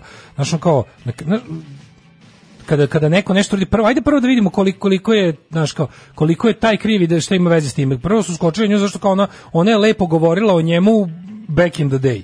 Mislim da kraju krajeva što kao ti ćeš naći u bilo kom čoveku da neko ima nešto dobro da A izjavi. daj, naći ćeš Hitlera na sve strani ta, Times pa magazine. mislim ne samo kao- to nego znaš kao Pa mislim nije... Ne, ne možeš prvo, prvo ne možeš govoriti o onom o čemu ne znaš, a i na kraju krajeva ko, ko, ko ko, kako neko može tvrditi da to dešava svih, koliko taj čovjek se bavi time 100 godina. Da, Mislim, ne verujem da je to sve vreme bilo, to je jednostavno, to je nekom trenutku počelo. Ono. Drugo, ono kao, kako možeš kriviti ostale ljude, mislim, napako je sve postavljeno, ali ona u tom trenutku dobro, do- dobro u tom njenom saopštenju koje, pazi, kad je ona, ona je morala da izjavi, ona je morala da, da izda neko saopštenje jer je javnost skakala po glavi ovaj kao pitaš kao, a zašto njoj kao kakve su to ima veze mislim A ima, da, možda ima taj ljudi još bliskih prijatelja i poznanika kumova Pa, i svega dobro, da, ima, nego je uvek bilo zna se to je još jedan primjer da se uvek traži kao čekaj čekaj čekaj kao ajmo neku ženu koju celu javno znamo u njoj da skačemo ono. da. ajmo malo tu da, da ajde da ajde, ra- Čekaj, ajde da rastežemo ona priču u besmisao To, to ovaj, saopštenje. da, je saopštenje zato što su zato što Da. šta je bilo? Prvo je krenulo, prvo je krenulo to što kad se desilo, e onda su ljudi ovaj izvukli neku emisiju tipa dok anđeli spavaju, spavaju neku od tih drugih kretenskih emisija koje su ono uvek o tome ćemo kasnije. Izjave gde ljudi lepo govore poznate javne ličnosti tog vremena, to je neka recimo druga polovina 90-ih 90-ih, Lupić. da. Sada govore o tome kako su oni svoje prve korake u tom pravcu napravili u tada još dramskoj sekciji Radija Beograd. Ako se ne varam, Mika Aleksić je držao tu da, da je to bilo pri Radio Beogradu, a kasnije on to privatizovao kad je sve privatizovano.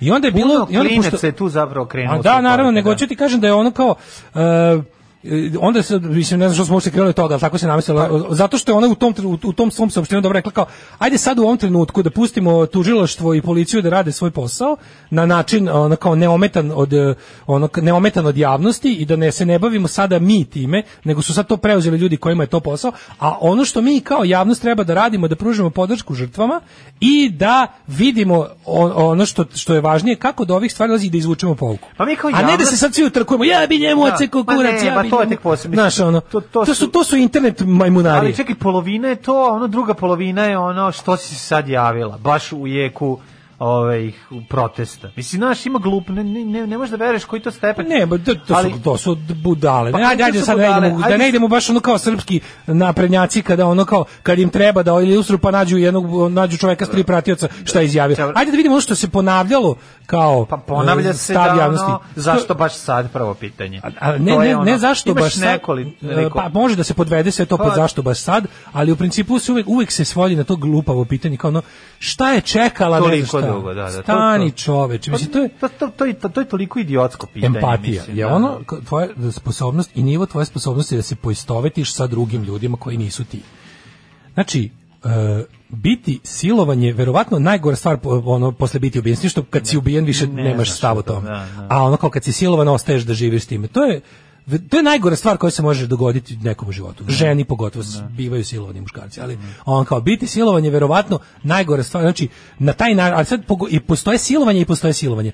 Možeš biti silovan, a tako što će te napasti manijak u trenutku ono kao mračnoj ulici parku i trenutku izolacije drugih ljudi. To je agresivno, Da. ali postoji i to i to je manja od, od svih silovanja ikada to je značajno manja kategorija. Ono što ljudi u tom u Veruj toj mi, reči, u toj to reči šta je fora? što i to le, u, što- u toj sebi, reči silovanje stoji ta neka taj kao da je to da je to izrazito na fizički nasilan čin, razumeš? I onda kada izostane to izrazito fizičko nasilje, ljudi su skloni kažu pa to nije silovanje. Znaš, zašto, zato što je reč tako ustrojena. I onda fora da ako nije to bilo, ako te nije sabato psihopata u parku i ona kao na pravdi boga si bila na pogrešnom mestu u pogrešno vreme, nego je ovo drugo. A ovo drugo je mnogo veće. Znači, može, ja kapiram da je jedno 80-20 o, razmera u korist ovih, ovih, kako ti kažem, silovanja bez prave fizičke sile. A to su gora, traumatičnija zapravo, jer su uglavnom rezultat dugog pripremanja. Pa naravno, pa I onda vidiš- to ono... Ti vidiš da znaš, se, mislim, u, u ovom slučaju, sad koji smo ovaj, pročitali, izjavu ovaj, glumice, e, je strašno je to što, što znaš da taj čovjek no, ono, toj deci ona predstavlja jednu očinsku figuru razumeš i ono to potpuno potpuno poverenje koje je imao razumeš i koje gra, je gradio kod te dece se dovelo do toga do, do tog jednog jezivog čina do, do, jednostavno ti onako jako ti je strašno, ne možeš da veruješ na koliko nivoa je to jezivo i koliko je, je zastrašujuće i kako onda neko ne može da razume da, da ta osoba koja je prošla kroz tako nešto nije neko ko će za 15 sekundi otići, ej, silovo me pre 5 minuta, sad ću da se ono, idem u policiju da prijavim. I inspektor njega- Johnson dolazi, rešava dolazi, slučaj. I ja Znaš, za 15 minuta zaboravim da sam silovana. tan, da. tan. I odlazim u drugu školu. Polici, glume. ja idem kao Znaš, drugu. kao pređi ću u sledećoj epizodi Brandon ima alkoholizam. Da, nije, Znaš, kao da, ja ne znam, to, Da. to, taj moment mi je ono potpuno nenormalan. Ne, Kao- kako u ne 9 i razum- 15 policija izašla na teren, Da, 20, da. 20 uhapšen, u 9 i 30 osuđen. I ja otišla na more i zaboravila sam U da sam 9 i silovan, 45 glavni ono frajer sa sve svibora i svetosavskog uh, plivanja za krst, ga mu je već ocekao onu stvar i stvar rešena. Tako rešeno. zamišlja, da. Da, da, da. A kao, i šta je čekalo sve ovo vreme? Evo sad ti kažem šta je čekalo. To što si super si uvod napravio, jer šta je bila fora? E, o, ljudi poput ovih, oni dugo, da kažem, kuvaju svoje žrtve. Oni stvaraju okruženje u kom to mogu da rade dugo, nesmetano i da jednostavno, kako ti kažem, da, da to traje. A naravno. Neko reče, neko reče ono kao glup silovatelj napada u parku, malo pametniji e, se infiltrira u ovako nešto, a najpametniji ode u, u politiku i biznis pa može da radi šta god hoće. Kad bi morao da podeliš kako, kako, kako to, kako to ovaj, e, zlikovci rade. Ali a da se zadržimo na ovom e, zašto nije prijavila ranije, pošto vidim da je to glavni sad problem. Prvo ovako, to je, to je, to je toliko strašna stvar koja te u prvoj meri ostavlja žrtve to kažu. Ovaj prvo te ostavlja prvo ide taj momenat ovo se nije desilo, ne moguće Da, da se ovo da, desilo. da, Kako da, se ovo da, desilo? da, da. Ovo ne može biti istina. Ja nešto nije u redu Da, sa mnom. Onda drugo, šta sam ja uradila? Šta sam ja uradila? Da, da, Znači da. ne postoji nema šanse zbog okruženja u kojem se to desilo. I zbog okruženja u kojem se desilo ne postoji šanse da žrtva ne krivi sebe. Celo društvo je namešteno da žrtva krivi sebe. Plus Da, specijalno da. u tom okruženju koje je jedan mali zatvoreni sistem u kom se ti nakon što ti se desilo tako nešto kada shvatiš konačno kad se osvestiš i kada to malo ono procesuiraš, prođeš prođe to kroz tebe, e onda ide sledeći tip ono kao da li ja treba da ovaj inače ono kao sistem koji toliko ljudi voli i podržava, Kako sad ja da da da čačkam. kažem? Da, da, da. Kako ja sad da- ne bi trebalo. I to je u stvari, o tome bi ja najviše da pričam. Znači, kako se stvaraju zatvoreni sistemi na koje javnost gleda sa odobravanjem, a koji to e, omogućavaju. I, i da, da izvučemo neko pravilo i zakonitost, šta je zajedničko za sve njih? Ajde pogledamo ovako. Sve te, sve, svi zatvoreni sistemi u kojima se dešavaju takve stvari imaju zajedničko da su užasno autoritarno ustrojeni i da su bazirani na nekakvim ono kako ti rekao uvreženim uh, hiljadugodišnjim temeljima. Ta konkretno religija. Znači sve što ima podršku religioznih krugova u javnosti je percipirano kao dobro, bezbedno, ispravno i onda se tu stvara to je kao neki staklenik sa jako lepom crnicom plodnom u kom u kom može da se gaji razne vrste razne vrste licemerja i gadiluka. I to je jednostavno tako. Kad pogledaš ti šta je to bilo? To dok je ja sam apsolutno siguran da e, od kad je recimo on to privatizovao i od kad to postane njegov privatna stvar, kad to više nije bila deo javnog servisa, uh, znaš, kad to više nije bila dramska sekcija uh, televizije ra, Radija Beograd, to postaje njegova privatna škola glume u kojoj ja stvarno, sećam se da smo mi pričali o njemu, i sećam se da smo mi pričali o njemu, ne- nekoliko puta smo mi pominjali u prošlosti u emisijama kada smo govorili o onom ludačkom insistiranju roditelja da, te, da preopterete decu van nastavnim aktivnostima Ne, ne. i kretenskog poimanja da treba neko drugi da mu disciplinuje decu. Ja se sećam da se o tom Miki Aleksiću već 20 godina priča skoro niko ne priča o njemu kao nekom učitelju glume, nego kao to je neko mesto gde deca uče red, rad i disciplinu.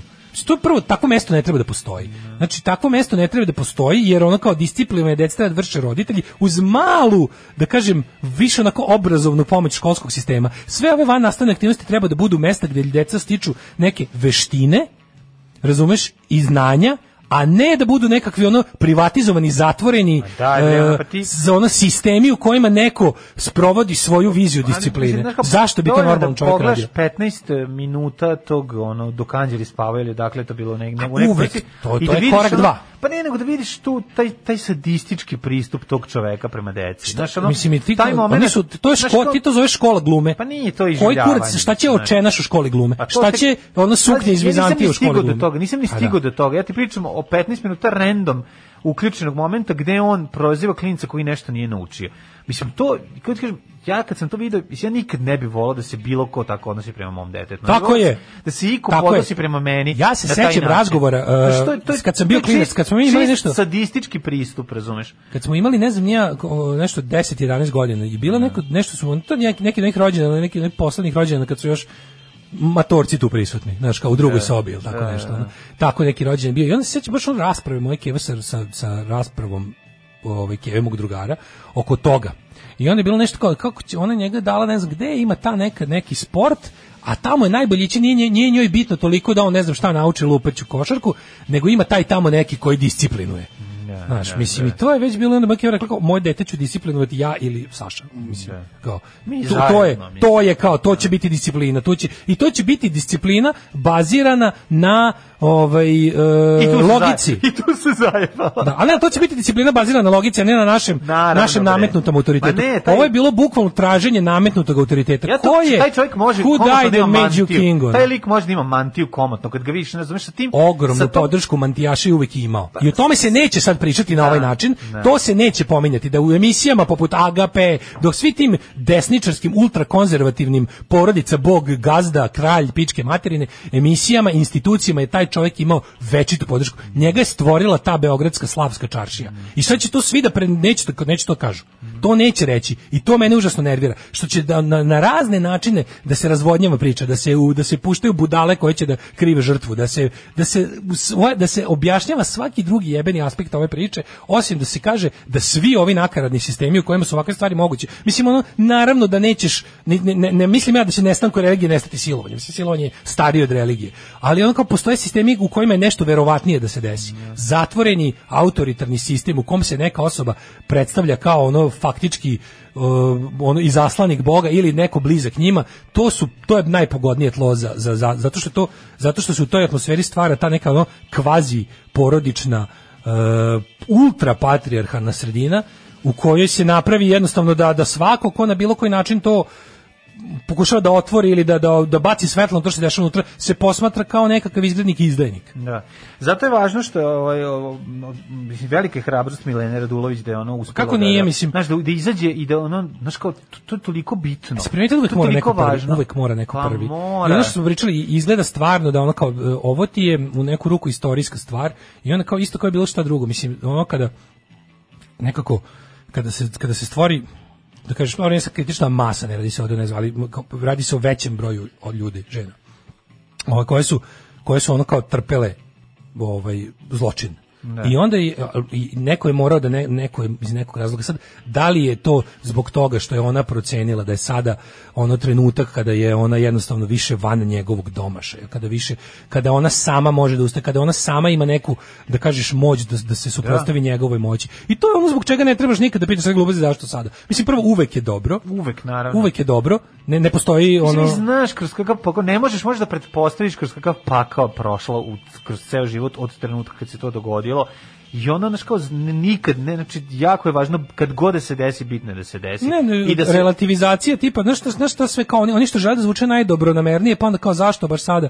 Prvo ovako, trenutak za silovanje je nikad, a trenutak za prijavljivanje je uvek. Uvek, tako je. I to je ono, to je ono što treba ovde znati. Kao, kad god je on to, ako to neko, to su jednostavno stvari koje a vidjet će se sad kao šta, šta je tu zapravo bilo, koliko je toga bilo, nego kažem ti, mene više zanima ova da se, da se malo uh, zašto se ne, ja sam On apsolutno on ja sam apsolutno sam ubeđen. on je bio on polubožan u tom u tom u tom sve visokoplafonskom slavarskom To ti svetu. kažem, znači, ono, i to on je koristio svoju poziciju polubožanstva. Ali pogledaj tu čitavu infrastrukturu tog njih, taj, taj kažem ti, mene, meni, meni se gadi taj svet koji ono stvara sebi te ovaj kako ti kažem njihove autoritete i njihove idole. Neupitno padanje u nesvest pred ono kao ali ja sam siguran znači uopšte neću da neću da ni na koji način licitiram se imenima ali i imam ono kao pretpostavljam u kom krugu ljudi treba tražiti još ovakvih likova. Ne usuđujem se da kažem ništa, blizu, ali recimo samo da kao razmislite ko je bio u orbiti ovog čoveka i ko- deo kog e, koje galaksije je on. I možete mo- vidjet ćete da ćete se začuditi u tom ono kako ste rekao dekadentna beogradska ono nije beogradska to su bitno beogradska Ne, to je visokoplafonska, to je to je to koja je bilo jednostavno ali koja je razlika čoveče ste vidio kako kako ta nekako to ludilo ubrzava? On to, on to sigurno na, na ovaj način nije mogao rad nije mogao ili ili ili to njemu. Sad šta je tu? Da li on pravio sistem u kom će on ovo moći da radi zato što želi od uvek ili je jednostavno njemu Moć e, njega moć dala udarila u glavu, glavu, mislim da, to je da, sad da. za, za dalju raspravu. Ali ono što je interesantno ajde da pogledamo klimu u društvu gde on počinje. Ne, ne vidi, na klima u društvu i društvo šta šta je u društvu prihvatljivo šta nije u trenutku kada on kada sigurno znamo da se on bavi time šta je on on je on je on, on je on je bukvalno krajem početkom 90-ih srbnuo Da, da, da. on je bio u Arkanovoj stranci cela 90. Režiser e, ove svadbe Arkana i Cece, on, onog video kasete.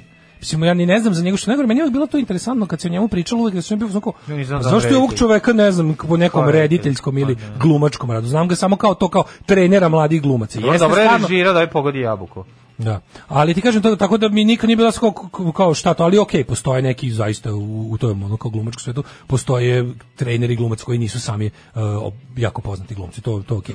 Ali ono što je bilo čudno kad se god pričalo o njemu i u tim svim kasnijim emisijama da su njemu ono kao i kod Tanje Peternik i kod ove žene Duleta sad kako zove Marine Rajević, Rajević, Savić. Te, mislim, to su te sve emisije koje toliko vonjaju na Brown i Tamjan. To su te emisije kojima se probagira ono kao imajte milijardu dece, žena za rađanje, bog na nebu, eh, kralj u državi, muškarac u kući. Te sve priče su uvijek uzdizale ovakvog lika. Pa onda Agape, pa onda sve te Brownske emisije i ti sad tu dođeš do toga šta je to? Znači klima u društvu kako odlazi više u desno, kako jača uloga takvih institucija, tu se normalno više stvara klime, a u takvoj klimi on postaje sve, sve veća i veća faca.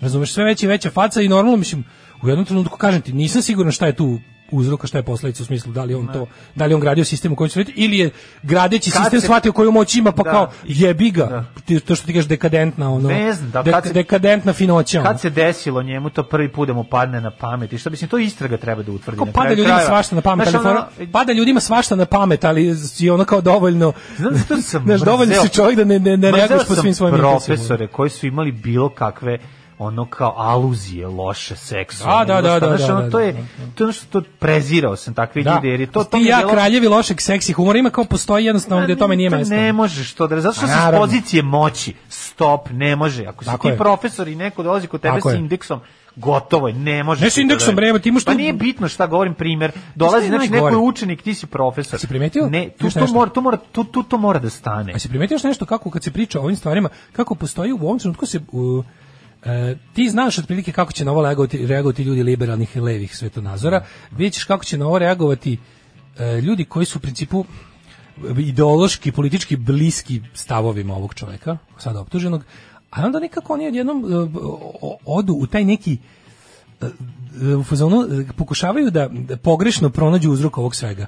I onda kao u fazonu da silovanje je strašno i svakako bla bla bla i onda bi oni odmah starozavetno s njime, ono kao odmah bi starozavetno ga rešili, ali pritom odmah krene, krene se u kompletno antiseksualnu priču. Da, Razumeš? Odmah se ono bude, to je tako, i on, ide se u gori, a ti vidiš da ovdje zapravo sve ovo što on radio nastaje kao posljedica te njegove uh, kao pojačane seksualne represije. On je bukvalno to, to kad oni pri te klinci kada pričaju o tome što se tamo dešava, to je jedna u fazonu kao kako on njih Meni sve sve nije jezio, meni je jezio Sve činjenica da on da. pravi odabir. To je ono meni, znaš kao, ko će kasnije, ne, ko će kasnije nastaviti da, da, da bude tu, razumeš kao, ili, Da. znaš, ili neko, neko neće izdržati pa će se pokupiti ranije, neko će, razumeš, Da. ono, verujući duboko u njega, ovaj, nastaviti Ne, da... ljudima sad dodatno, znaš šta je fora što ljudima sad to dodatno jezivo, a meni je potpuno očekivano, da su oni svi bili u fazonu kao, ja, pa on je njih tako, znaš, kao, to je bila škola smernosti. Pa u školama smernosti je ono jebo iz oltara. Ma da, pa Razumeš, o naravno. tome se radi. Ono. U školama smernosti se uglavnom ono kao dešava potpuno suprotno i to na način na koji čak ni ono kao, oni, u- on, kao ti od- odlaziš kako čoveka koji je u fazonu sad kao, on je ta brana od ove opšte seksualizacije, nemorala, pičke materije, znaš kao, on je taj čovjek staro, kao konzervativni, sva, da ćeš ti nositi suknju, da ćeš ti biti potpuno, to isto nije normalno, razumeš? Ma naravno da tebe- nije Ti normalno. nekog, na, ti nekog na silu deseksualizuješ ono kako bi on trebao da bude prirodno seksualan u svom bilo čemu, i uzrastu, i vremenu, i svemu, da bi onda u stvari se ispostavilo da ti si u stvari jedan lik koji bi to da ono, je- je- samo bih ja to eksploatisao. Razumeš? I vidiš da tu nešto nije normalno. To je sve jedan, i on zato, i zato mi je čak i kada krenu, ovaj, kada krenu reakcije, da se ovaj kao vrlo brzo desničari koji su u prvom redu kao bili ga to kao stari zavet, stari ali da vidimo zašto je to tako. To je zato jer je društvo previše seksualno. Pa nije jebote. Ma nije on kriv, baš nije nije on pro, da, kao. da, da, da.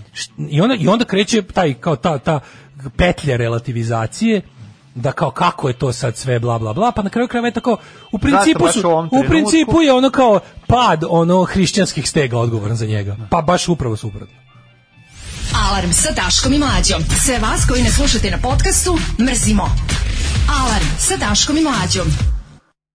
Major Tom i Peter Schilling. Peter Schilling, ja čitam malo poruka, ima teških zaista. Ove, um, kaže, građani ove zemlje ne znaju šta je zlostavljanje sa pozicije moći. Nažalost, mnogi misle da je to normalno i da tako treba. Mislim da njima čudnije što su one uopšte progovorile nego što su do sada ćutale. Ove, um, kaže, on je idealizovao Arkana i kraj, kraj priče. To bi svakom čoveku trebalo da bude prvi alarm. Ponašanje ljudi i komentari zašto ovo, zašto ono tipično Srbije tužno je bilo čitati nažalost 30% komentara pa zbog takvih devojka nije ništa rekla. Naravno, upravo to. Znajući šta će se desiti, ako to kaže, to je još jedan od razloga zašto. Mislim, to, i pregovorili smo o tim fazama, ono, spoznaje šta se dogodilo, pa ono, to, kako ona to preživljavala, da bi došla do toga. Naravno da je moralo prođe vreme, to je prva i osnovna stvar, moralo da prođe vreme. Ne, vreme nije da, da se razumemo, vreme nije moralo da prođe, ali je ako je ako U ovakvom E, društvu nije moralo. Ovako da, da, upravo si, da. da. tebi? Ne, ne, je- upravo si. ona je, hoću da kažem- ona da kažem, ne mora postoje, postoje, pazi. Ona je žrtva kulta. Ona je žrtva kulta, da, da kažem, to. postoje okolnosti u kojima se ovo desi, pa neko, ali to sve znači da je ta mi smo svi u velikoj meri proizvod svoje sredine i svoje porodice.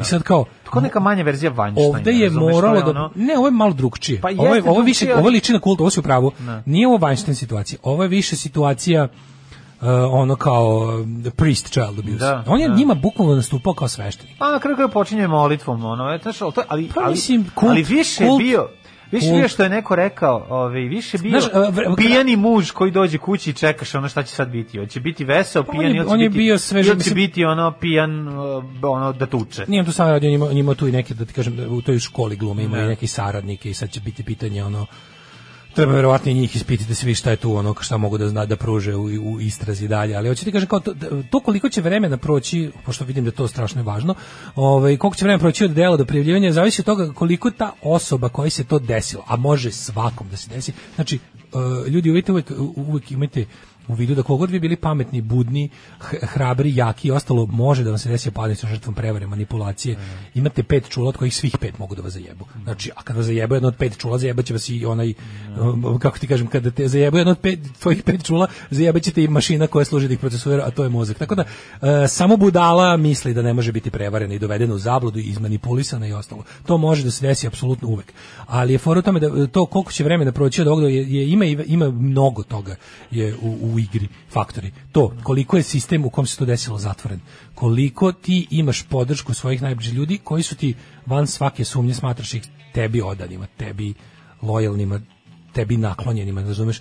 I tu je fora, mislim, svašta, svašta je tu Znaš, važno. to je koštalo Može da- ja znam da ono, recimo, znaš ti koje, znaš ti ko, znaš ti kad od deca koje su Tu ima to prošla, tipa prvo- znaš kao roditelji odvajaju jedva, razumeš da skupe pare da ode ideš na to. Je to kao ne znam koji koliko hoh Da, i to važno i koliko, da. znaš, ali on je, on je već on je već našao u kom će se znaš e, nema tu dece iz Lupić sad je radničke dece iz Pa Rakovice. bilo je tu svega, nije Pa, tu samo nažalost bilo... nije e, b- priča ono, legenda o Miki Aleksiću se širila u određenim krugovima. Malo je tu do, prvo što je to neko pazi radnička deca to nije bilo za njih, razumeš kao. I on je ima Pa ima dobro, tu i druga ali priča. Bilo Ima tu druga priča. dece koje su ono na- u Beogradu dvojici. Mislim, ali da, pravo. To je bilo u tom periodu. Da, ovaj da. taj taj taj Mika tranzicioni Mika. Da. Taj tranzicioni Mika je sebe e, pozicionirao kao nešto jako elitno. Da. I tu jednostavno, znaš, te, te audicije nikad za decu, za to kao za primjene nove članove, tako nove generacije, to sve, to nisu javne bile pozivi. To je bilo by the word of mouth. I znalo se, otprilike u kojim krugovima će se to raširiti. Teško da je ono kao, ono, da su baš na ono radničkoj kvartu na Ceraku pričali o tome. Znači, jednostavno, to je već bilo samo po sebi, znaš, kao imaš... Dragan Jovanović iz početnog udarca doći. Teško, teško da je neko iz neomalterisane kuće, Da, iz da, da, Kaluđerice ali išao. možda je. išao. Ako su neki ljudi koji su spektakularno zglajzali finansijski, a bili, ne znam, jaka srednja Da klasa. se ne, da ne idem sad, ali 80-ih. va, jeste to važno u smislu za građenje takvog jednog sistema, važno je i od čega ga gradiš. I u kojim okolnostima i sa kakvim ljudima.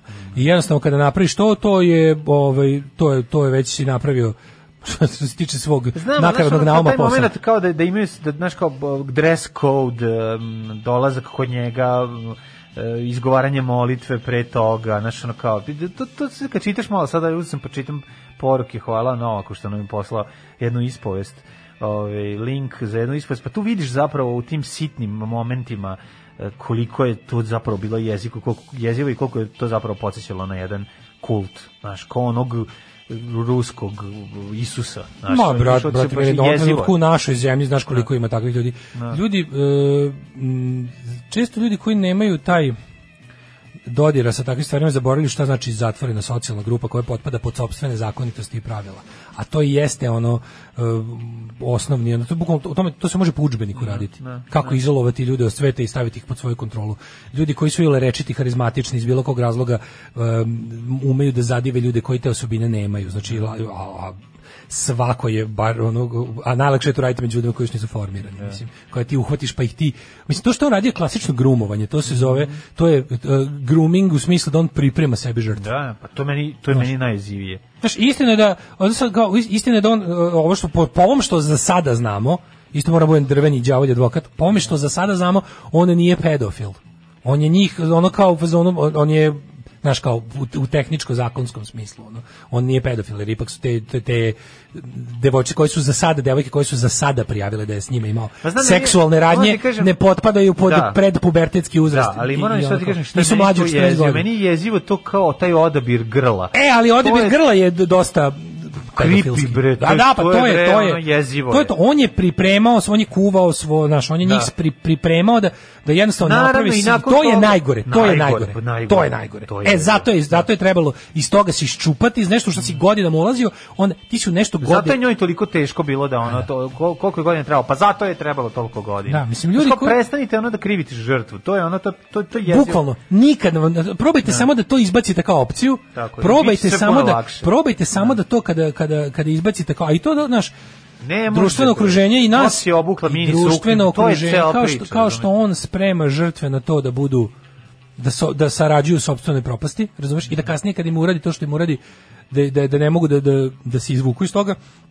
tako i društvo nas sve priprema kroz razne, to, to su, mislim, to su toliko perfidne i toliko, neko će reći, nepovezane ovaj stvari sa onim što su ljudi izjavili, tu jasno možeš vidjeti ovaj šta je patrijarhalno društvo i šta je nasleđe patrijarhata i, je. i zašto mi moramo da ovaj postavljamo glupa pitanja u ovakvim zašto se uopšte pitamo i zašto zašto zašto zašto u situaciji koja je ovakva ljudi se uvate za nebitno i gnjave o tome. Tako je, I onda tako često vrlo rade u korist ovaj uh, silovatelja, a na štetu žrtve i on to mora da prolazi hiljadu puta.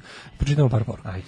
Ovaj, ako devojka ili momak nemaju porodicu koja ga voli i veruje i podržava 100%, teško da će prijaviti ili će čekati da sama osnaži. Pa Znam, da bude rodi- sama sebi Tako, podrška. Kad te roditelji odvedu negde i kažu ti ovo košta toliko i toliko, to je elitno, najelitnije moguće i ne znam, kao to, ti, vrlo je teško da, da će znaš, kao dete iako je doživelo to što je doživelo, neće hteti da razočara prvo roditelje. Tako je, tako je, neće teti da razočara roditelje. Koji veruju I u ovo. to ti je. U tome je, To je već, magični to, krug to je prvi jeziva. poraz porodice Pa kao, da, pa da. kao koncepta. Tako je. To ti je prvi poraz porodice kao koncepta, da porodica pa cijela priča o porodici i njenoj svrsi i, i, i ono i, i ustrojstvu pada u vodu. Neće teti da razočara porodicu. Kao dete sam sa 10 godina bila napastovana od strane osoba iz bliskog okruženja. To sam bila potisnula u narednih 15 godina. Ne mogu ni da se setim šta je bio kidač, da se setim toga sa oko 25 godina. Za ono za ono što je ta devojka uradila hrabrost je mala reč. Majci sam tek juče sa 36 godina rekla kome i kako napao. A sve vreme mi je muka kada mislim o tome. Pa da, ne može, to, to, to je toliko strašno. To su- to ne možemo mi, mislim, to, to samo, to Kada najbolje... povreda jedino dođe od nekog koga si ti percipirala kao nešto potpuno drugo, to je dubok, to je to je to je jednostavno jako To je trauma za ceo život. To je mislim, znaš, da, kao kad da. bi morao da banalizujem, to je bukvalno to je to je gore ne, znaš, to, to je gore ne- nego da te ujede ono ma, najslađe mače. Znaš, to to je Ne znaš, se kao to je gore nego da te to je bukvalno to, to, su, to su to su sudari svetova. To je te to je, to je jedan džinovski ono kolaps gde ti se neko Znaš, kao to je nekako, znaš, To je oštećenje za To. ceo život i to je to. Znači, znaš koliko tu potrebno da se to ovaj, zaleči, pošto da se izleči ne može, ali da se zaleči. A, ovaj, A, o, kaže, bilo mi je grozno kako, kako je tera devojčica nose suknje da ne nose marame koje im kriju vrat, toga se sećam godinama, on je bio ugledni pedagog, pa mu je sve to prolazilo. A, kaže, mnogi glumci su spomenuli da su išli kod njega na glume i na neki način garant da od deteta može da bude nešto. A roditelji plate jer nemaju vremena da se bave decom i to je za njih kraj posla. Da. Ove, pa onda ovako. Dobar dokumentarac The Wow upravo istražuje kult i uticaj na svest. Ovdje su u pitanju odrasle osobe i formirane ličnosti. Da, jeste. Kaže, inače i legendarni Smiljan Mori u jednoj grani tog kulta, kad pogledaš dokumentarac, mnoge stvari su jasnije. Sve je to meni apsolutno ovaj, o, s- svi ti sistemi koji baziraju, mislim, možete da izučiti, ako, ako vas zanima ova tema, interesantno je stvarno vidjeti ovaj, na koji način sve te zatvorene grupe, u svakom trenutku kada je bila grupa, bilo da je politička, religiozna, multilevel marketing preduzeća rade na ovaj princip, isto. Znači, piramidalna šema sa multilevel marketingom, multilevel marketing je jedna vrsta kulta. Sve što te ima za cilj da te izoluje od velikog sveta i nametneti zatvorene stavove i vrednosti grupe koji ne funkcionišu u velikom svetu ima ima ovaj ima ima te te oblike i treba treba jako jako paziti. Daško, treba se, treba se i obući za kult. Ovaj, Ja baš naručio ovaj duks ovaj, e, na, i baš me svi opljuvaše na sve strane, zato što piše nož žica. Ja mislim da je to istrnuto iz konteksta. Hajmo to je druga to, To tema. je druga, pa tema je jako važna, zato što je... Daj pusti mi jednu pesmu, molim te, u, u, usta mi se usušila, pa Ajde, ćemo o tome. ajde, ajde. Ajde, izvini. 9 je časova. Radio Daško i Mlađa. Prvi program. Poruka od slušalice. Kod njega sam išla do 99. na glumu. Ja sam nebogataško dete, ali u grupi sa bogataškom decom. Uvek je bilo bar dvoje talentovanih, čiji roditelji nisu i budže. Pa da. Um, bila sam klinka 12 godina, nemam to iskustvo, ali da sam ga se plašila, jesam. Sve kako izgledaju, to kako su pisali časovi je tačno, prestroga disciplina, življavanje, vređenje. Da, idiot. Tad su kretale da nam rastu grudi, pa smo se grbili i skrivale. Ovaj, a on nam je govorio da se ispravimo, da ne stidimo, da je to lepo, da treba da se vidi. Na mene se izdrao jer mi tokom bombardovanja moji nisu dali da prelazim most da bi išla na glumu. Zato sam mi prestala da idem kod njega, prešla sam u neki drugi dramski studio. Kaže, ima tu, kaže, na FDU sam bila u užem krugu kod ovog, ovog čovjeka često isto pominjala, ajde da jednog drugog profesora, ovaj, koji, ja mislim, nije više živ, ali ajde, koji mi je rekao da sam kamen koji treba obrusiti i da ću proći dalje ako intimiziramo odnose. Je, je. Istrčala sam i pobegla odande, pala sam u depresiju, šišala se na dvojku. Viš? Da, ima i to, je, ima i to da. tipa, moram da se unakazim da me da, da me ostavi na miru. Da, da, da, da. No, ovaj, posle sam shvatila što mi tokom pripreme govorili da sam njegov tip. I tako, mislim, ovaj, Jezivo, jezivo. Ne pa ta, to, to, taj, taj moment e, sa pozicije moći iskorištavanja, to je ono, to, to je jezivo, odvratno i ne mogu ni zamislim kako se osjećaju te osobe, ali eto činjenica da je se ošišalo na dvojku ti je jasno ovaj, Da. koja trauma, koju, koju traumu vuče. U, kaže, dokumentarac o me- na Netflixu, dokumentarac o Američkom gimnastičkom savezu. Timski olimpijski fizijatar, da oslovi, da. Jezivo. Ovaj ne kažem ti negde je tu negde postoji nešto što je tu treba otkriti gde je koje vrste da kažeš poslova poziva i socijalnih grupacija Kriju tako e, nešto, da. privlače ljude s takvim sklonostima da ti jednostavno znaš kao u fazonu ako ti sjede slatko ideš u poslastičarnicu što kao ne džedžiš u mesari i čekaš da neko slučajno unese čokoladicu nego ideš jebi ga ono ali ovdje je fora što ono ovaj, da ima to a negde stvarno mislim ja sam ubeđen da od Siguran sam da de- deo ljudi koji jesu krivi zato što nisu došli s tim namerama. Nego im se to što ti kažeš kao status Boga koji su stekli u očima ranjivog, slabijeg lica od njih pravi svašta. I jednostavno ta, ta, ta ona misa koja mu se pojavi trenutku je tada jednostavno fazonu kao ono ja imam potpunu vlast nad drugim ljudskim bićem bez da smo ono u nekakvom zvaničnom robovlasničkom odnosu. To može da ide na, na, na razumeš, to može da, da, da, da ode u raznim pravcima. To može da u raznim pravcima, ali e, kada ti, pazi, kada, još jednom pomenem, kada ti se to desi tako, ti si stvorio sistem u kom si ti Bog, pritom van tog sistema ti svi govore da si da si super.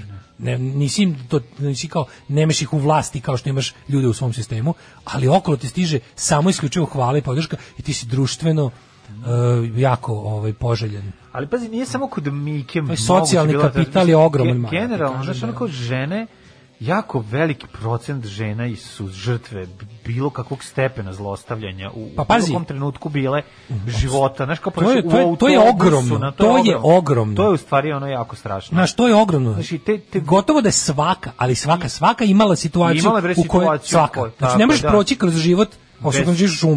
Najniže. Ne možeš proći kroz život u ljudskom društvu bez da nekom padne na pamet da da ti od light verzije do bacivanja do do ono do do do do, do jezivih momenata ono praćenja preko ne znam čega do Svako je bio da to da, da, da sva- skoro svaka žena Dok u društvu je imala iskustvo da. u kom joj se dešavalo u seksualnom smislu nešto što ne želi što je čini neprijatnosti, što je povređuje. U, u bilo kom. Naravno, jako je važno da pravimo gradaciju između ovih stvari, jer neke Naravno. stvari, ne, ne kažem ja ono boys will be boys, to ne treba tolerisati, ne boys will be boys, to je jednostavno ne, nego samo treba jednostavno zbog, to, zbog onih koji su preživeli više, ne, ne može se ovaj, sve podstaviti pod istu. Tako Ovaj, je. Mislim, naravno se ide u istom pravcu, ali kao dobro je kad voz stane na prvoj stanici, ne, ide, ne ide u provaliju. Znaš, dobro je, iako je bio pogrešan voz. Ali ti kažem da je ono kao, zato je, zato je jako važno da se, da se da se u, u- kad je to moguće što čistije to ovaj, i što i što bolje eh, to i definiše i, i odredi i da, da stvarno da, da, da priča nikada više ne kreće od toga šta je žrtva uradila. Ni, ni, ni, ni šta je uradila u smislu Niti kako je reagovala da i šta je uradi, trebala da, da da uradi. Da, da, da. Svakog prokletog radnog jutra od 7 do 10. Alarm, sa mlađom i Daškom. Nećemo dve pesme. Nećemo ne dve pesme, imamo toliko, preći. ljudi Da, nikad da. ovako poruka nisi je toliko teško da čitam. Teško znači, je, bre, zato što kad krenu ispovesti, razumiješ, Jo, ljudi, ono... mislim, ne, ali znaš, ali ovo je Ne, samo je to je, uvek vidiš, ovakvi ovakvi ono kad krene ovo, ovo ti razumeš on kao nalazak na jednu zmiju pa vuče vidiš da je klupko. Pa naravno. Vidiš da je klupko, vidiš da je to ono. I onda uvek kad čovjek, mislim ja bih želeo da sve što ste napisali da sve pročitam, ali Kaže, sin i muž mi se uvijek smeju što se svađam s vama dok vas slušam, a sad se u potpunosti slažem sa vama. Ovaj mlade žene u grupama za pripreme za prijemni posebno tako prokleto mistifikovane kao što je FDU ili neke druge akademije su neprekidno prečutno ucenjene. Ili ćeš me slušati ili nikad nećeš postati to što želiš da postaneš. To je jezivo čak i da ne prođeš nikako seksualno ili fizičko nasilje. Ovaj e, da, stoji ti ta jednostavno, to je, to, to je traumirano. To kad ti neko, da, da, kad shvatiš da da postoji gospodar tvoje sudbine, to je jezivo. Mislim, to je slobodnom ljudskom duhu najgora kazna. Znači da ti da, da, da ćeš biti nad tobom postoji neki ono zli duh koji se nadvija, koji tako sebe vidi kao, razumeš, bogom danog ili prirodno stanje. I uvek na kraju znaš šta, šta, šta traži, mislim, znaš, to, to je najtužniji i najjeziviji, ali pokušavaš da, da sebi objasniš da to nije tako, jer ne možeš da veruješ. Kaže, treba da se razvije po FDU ovo sve. Tamo i dalje rade predatori, psihološki zlostavljači i to svi znaju i kad odeš u filmsku industriju, Tako, koja je još gora, ceo taj faks je takav, Yes. godinama pričam ljudima, svi su fazonu, ja blago tebi išla si na FDU. Da. Treba videti, mislim, Moram da znaš, pročitam i ovu poruku. Mene je teča sa 14 godina napio i ljubio na sredu ulice, srećom nije mi silovao, ali narednih 15 godina mi šaputao kad god me sretne na manje od metar od tetke, da sam njegova lolitica. Nisam rekla roditeljima jer je tetka ceo život bolesna, bila sam 100% ubeđena da će mi reći da ćutim zbog tetke i sestara, da ne pravim haos u porodici, mir u kući. Kad je umro mama je krenula da priča kako je bio divan čovjek, e tad sam pukla i njoj rekla. I od tad trpim drugu vrstu torture, što nisam rekla, ona bi njemu, a ja a ne bi zapravo, o, da sam taj ona bi njemu. Ma da, Da, sa podvarijacijama, e, e, e, to kako je Milenara uspela da prevaziđe, e, e, to ja živim u njegovoj senci, jako je važno to što je ovaj, Milenara uradila i treba užasna hrabrost i ja sam, ali sad više zbog Keve, ošišana na dvojku, imam 100 kila, nemam nikakvu vezu. Da, ali kako, ka, ono kao ljudi, to bukvalno neko, neko treba da vam svaki dan ponavlja, niste vi krivi. Ono, niste vi Naravno krivi. treba, ali ti društvo to ne radi, ne razumeš kako ti ti nastaviš da imaš Niste, nikako niste krivi. Pa naravno da žrtva nikada nije kriva, Mislim. tačka. Znači to treba, to je ono ne znam. ono, ima neke stvari, kroz istoriju su neke stvari pametno uočili ljudi. To kao, ljudi pre, recimo, 14 godina nisu u stanju da odluče da li žele da imaju seks i zato je seks sa njima zabranjen. Preko 14 godina su, nisu jednako u stanju u svakom uzrastu. Ali i mimo toga, koje god, koje god uzrasta bio, koje god uzrasta bio, onaj ko, kako ti kažem, onaj, onaj ko je Mislim, ne znam kao šta, šta, je, šta je problem, kao ono, imajte pristanak za to što radite. Mislim, možete, s ljudima u seksu možete raditi šta god hoćete ako se dogovorite. Ako, je, ako postoji, bukvalno, mislim, znači, neću, neću uopšte, znači, nervira me da mi se, da mi se bilo kakva, ono, ne, da se ide u puritanizam i gluposti. Ne o puritanizmu, radi se Šta god radi da- dvoje, troje, desetoro, 56, već 300 ljudi ako hoće se jebe na livadi da guraju šepurike u dupe, mogu ako, ho- ako svi, svih od Gde? 300 u kod Čuruga jedno, jedno selo pokazat ću ti. Znači, ako mogu da rade šta god hoće, znači, samo je važno da svi koji se tu nađu su tu svojom voljom. Od i, i ono kao i, i uzrasta za to predviđeno. Potrebne su, Tu je sve Postavimo, znaš, kao, mora, mora se više pričati o žrtvama. To je poenta, znaš, kao, to, to, to je ono, to je jezivo. to, e, mora postojati ve- postoji, ja se nadam, mislim da postoje neke terapije ozbiljne kroz ono koje ovaj žrtva može proći. Znam da je to jako teško zato što je u to ponovo prolaziš i zato kažem priču, znaš, i to time se treba da se bavimo najviše. ja sad to- opet moram, da. opet ću da zvučim kao švedski ludak, ali Pa ali to to, tako je važnije. Meni, meni Važnije. stvarno, sad, sad, mo- možda se to zvuči, možda to zvuči suludo, ali ako moram da biram, ako nema, ako država nema para, volje i sredstava, da li da se bavi on tranžiranjem Miki Aleksića ili pomoć njegovim žrtvama, bolje da se bavi pomoć njegovim žrtvama.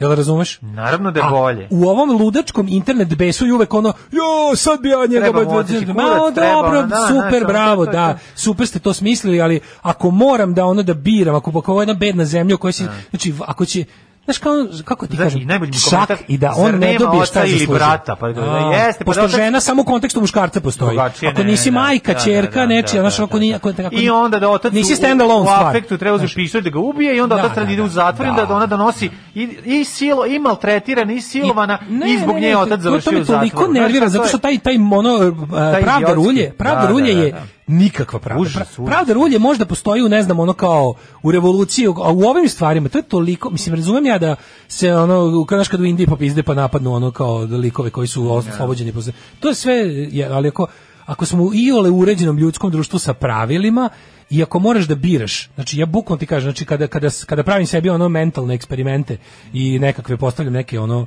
sebi uh, hipotetičke situacije, da, da, da sad kao kažem ono, iz nekog razloga pa stvarno lupetam, ali ono kao, te, ono kao ima ovde raketa koja će ovog odvesti bezbedno, ono, i ne, neće čak biti ni kažnjen kako treba. Ali imamo program da njegovim žrtvama super pomogne. Zaista bude bolje. A imamo samo za jedno tada. Da, da, da. Bolje je ovo. Pa naravno neće biti taj Razumeš, taj izbor. bolje. Da, da, da, naravno. Mislim, slažem moj čovjek je, e, neću kažem da je već kažnjen, ali njegov život je upropašćen, to je, to je je zasluženo tako. je su- Naravno, on treba da toliko kaznu, pravu, treba da mislim, kaznu, ono, kaznu. da.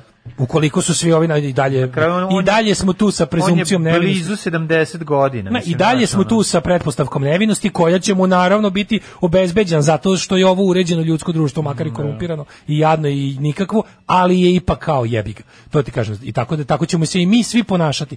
Ali ono što je stvarno važnije da sad je stvarno uvek je, a na to se toliko malo gleda je pomoć žrtvama. Naravno, naravno. Pomoć žrtvama. To, ali to, to, sad nije samo fraza da sad ja zvučim Ne, bog zna kako nije. i, i, i plemenito, Ne, ne, ne. nego stvarno fakat da se žrtvama ne pomaže. Ničega. Žrtvama rata, žrtvama društvo ratnog silovanja, žrtvama pomaže. žrtvama bilo kakve traume koje je neko na pravdi Boga naneo, se uglavnom ne pomaže. društvo svojim kretinskim komentarima ne pomaže, znači Da. tako da znači sva e pazi, svag uvek kad pročitaš bilo koju sad ispovest sa ono neko je dodao link za još jednu žrtvu koja je to ili kod njega ili kod nekog drugog prošlo sve prvi komentar će uvijek biti šta si toliko čekala. Znači, je, ja to prosto ne mogu da verujem. Znači, to, Upljuješ se, evo poruke. Kad je tačno to sa šepurikama? naravno da svi, Naravno da stiže. svi su stigli. Naravno da stižu poruke za šapurike. Da stiže da čuješ šta je sa šapurikama. A, dale, treba se obući za šapurike. Ja sam mislio da Jeste, uzmem ovaj da. nož žica. moramo, moramo prekinuti ovog Da, da, ne kolačića može, za danas. kraja, da. Sigurno ćemo se vraćati na ovu temu jer će se stvar odmotavati Naravno, još tako stvarno mi je užasno ono. A imamo još jednu groznu temu, kratko pre što nisam pročitao sve poruke koje ste poslali, ali smo ono ono, I, jebi ga. I ćemo ih Daško i ja sigurno sve. S vama, da znate. sa vama smo ono kao Da znate, da. tu smo mi Da. na, naš, na, na vašoj strani na našoj strani smo Da. Ove, da druga stvar su bili ono što smo svi pali u nesvest ono što Da. slušalci naše emisije i ljudi koji to iole zanima znaju već godinama da u Srbiji postoji jedan unosan e, neofašistički biznis Da. prodaje bren- brendova konkretno konkretno odeće i ostalog što se kaže merchandise e, sa sa ovaj Sa nacionalističkim i sa nacističkim nacističkim ovo je nacistička poruka Poruka, da, da, da. Znaš da ja nemam ni za mene je nacionalizam isto gadiluk, ali ovo je korak dalje. Ovo je, stvar, ovo, je- ovo je nešto na šta će se neko ko sebe smatra samo nacionalistom zgroziti. Budimo pošteni. Da. Znači, To je najgore. To je e, nožica Srebrenice je srpski Zig Heil. Da. Da se razumemo. da. To je srpski Zig Heil. To je srpski Heil Hitler, to je srpski to je to, to je, to je srpska verzija na, nacizma. Jedan kroz jedan. To je uživanje u ubijanju e, drug, e, drugog zato što je drugi. I to je jednostavno to, to je to je urlik koji služi da pokaže koliko je tebi drago što si ubica. I što se Što je neko- pripadaš što nekom, pripadaš da, da, da. grupi ubica Ubica. i želiš da, da, da ima još ubistva. To je to, E razumiješ? sad problem je što, ono, to, taj jajarluk uh, proizvođača uh, te tog odivnog predmeta, tog duksa brendiranog. Pa to je posebna priča. a to jeste zapravo cijela priča, jer to je... To je pola priče, ali, ali je značajan deo priče. To jeste najbolja manifestacija nacizma.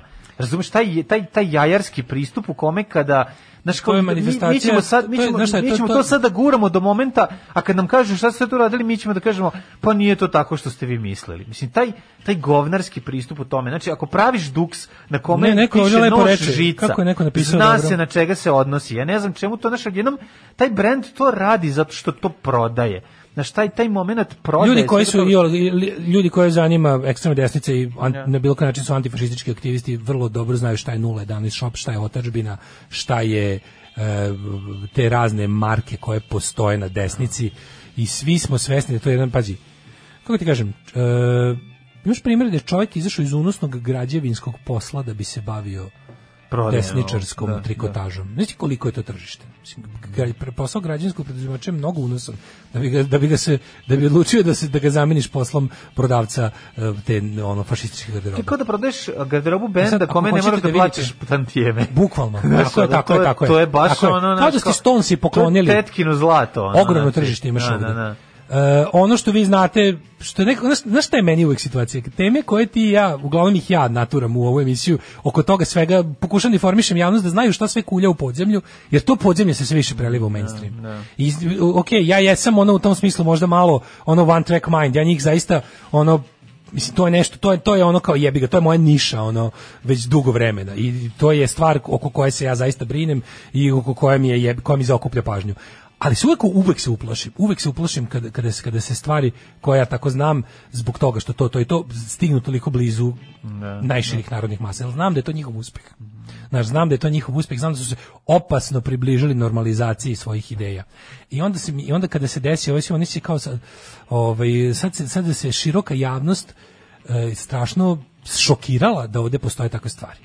Znaš, i sad, ali ako ćete, ako ćete zagrebati, ja mislim, meni je prosto neverovatno, ja znam da ukoliko mi kao antifašistički aktivisti imamo toliko podataka o tim stvarima, sad, da li je moguće da nadležne službe koje treba da paze da nasilne grupe koje žele da, kako se to kaže stručno, zbace poredak i izazovu versku nacionalnu nastalu mržnju, da oni to, koja je fora da oni to dopušte? Da li, oni, da li, zna, da li Da li je bolje da, Ja da, da su mislimo da oni nisu kontrolom. svesni toga? Da, ja mislim da su oni pod kontrolom. Ja, to Znaš šta je mali problem? Koliko policajaca ispod uniforme ima majicu kupljenu u 011 shopu? Jako mnogo. Koliko uh, pripadnika žandarmerije i Pa- policije intimno gaji ta politička uverenja Pa, i kada ih je kada su van, znaš koliko ljudi, koliko, koje su šanse da osobu koju sretneš u otačbi na 011 i ostalim tim majicama, tim ludačkim, ono, da su na neki način povezani s državnim represivnim aparatom, jako veliki. I o tome isto treba pričati. I sad šta je fora? Mi u tome, to da postoji unosno nacističko podzemlje koje pravi novac i koje na taj način vrši utjecaj na društvo, to nije ništa novo.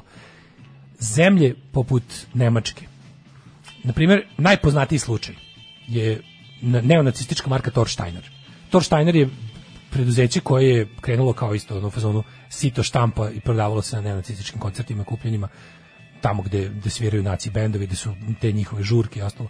Vrlo brzo je to ono kako se kaže, jel, pro, pro ovaj, preduzimljivi um ovih vlasnika je shvatio da tu ima jednu priču koja se može uz određene modifikacije malo odustajanje od eksplicitnih sadržaja, malo zabašurivanje, No, ali u, u principu zakonu- ne smeš itekako- tako, svastiku tako, da predstavljaš. I tekako precizno namenjeno određenom broju određenom delu populacije može ugurati u mainstream tako da ljudi koji nikad neće doći na, na, na skinhead koncert u štali u istočnoj Nemačkoj a imaju možda inkliniraju ka tome mogu žele da kupe sebi lep komad zaista lepo dizajniran i kvalitetan komad zimske garderobe Pa tako i će ovaj moći 011, da se identifikuju. Su tako- to sve okej da to su pa da. do- to i što je najsmešnije to nije nekako nekakvo angrošivena bofl stvar to jeste čak i često domaće proizvodnje vrlo dobra vrlo da. dobra jer su jer se radi o ne previše masovnim Znaš, kao e, proizvodnjama kao što su oni fruta Znam, proizvođač je domaći izdajnik. Pa domaći izdajnik.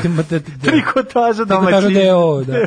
Tako ti kažem da ono, i onda oni naprave lepo, znaš, i sad taj Thor Steiner u jednom trenutku sebe teo čak da pozicionira kao mainstream streetwear, da, Da. se stavi u rang Hoće da stigne Fred Perrya. da se stavi u rang sa recimo garderobom tipa onim North Face, onim na papirji Na i papirji. ostalo. I ostalo. Ali su- to na papirju hteli su to da tržište. Oni su hteli to tržište. Šta je bilo? E, prvo, javnost, cijela antifašistička javnost u Nemačkoj organizovana dobro je to dojavila kome treba medijima. I na kraju krajeva tamo i služba za zaštitu ustava koja je jebi ga deo tajne službe tamo radi to sve. I oni su znali sve to, ali oni su to dopuštali jer e, kada je Thor Steiner prešao u tu neku mainstream varijantu, oni su samim time kako kažem, stekli su pravo da ih ne drnda služba za zaštitu ustava, da ih ovo ostavi na miru, ali to ne znači da si ti se izvukao. Javnost je ta koja neće neonaciste u svom javnom prostoru. Kako, znaš kako su prošli svi ikad, ikad otvoreni butici? Oni su pokušali jednom u Berlinu da otvore butik. To Steiner. Nije do uveče potrejao. Razumeš kao, ono antifašistička rulja se okupila i sred nećemo to u svom kvartu i ulicu u kojoj je bila ono znači ne, ne po gu- googlajte ako vas zanima. Znači Thor Thor Steiner. I ta marka je onda počela se širiti. Ti si oni su oni ovde prodavali, našli su distributeri taj ljudi umešani sa 011 shopom su bili distributeri tog Thor Steiner. Pojavila se još gomila marki.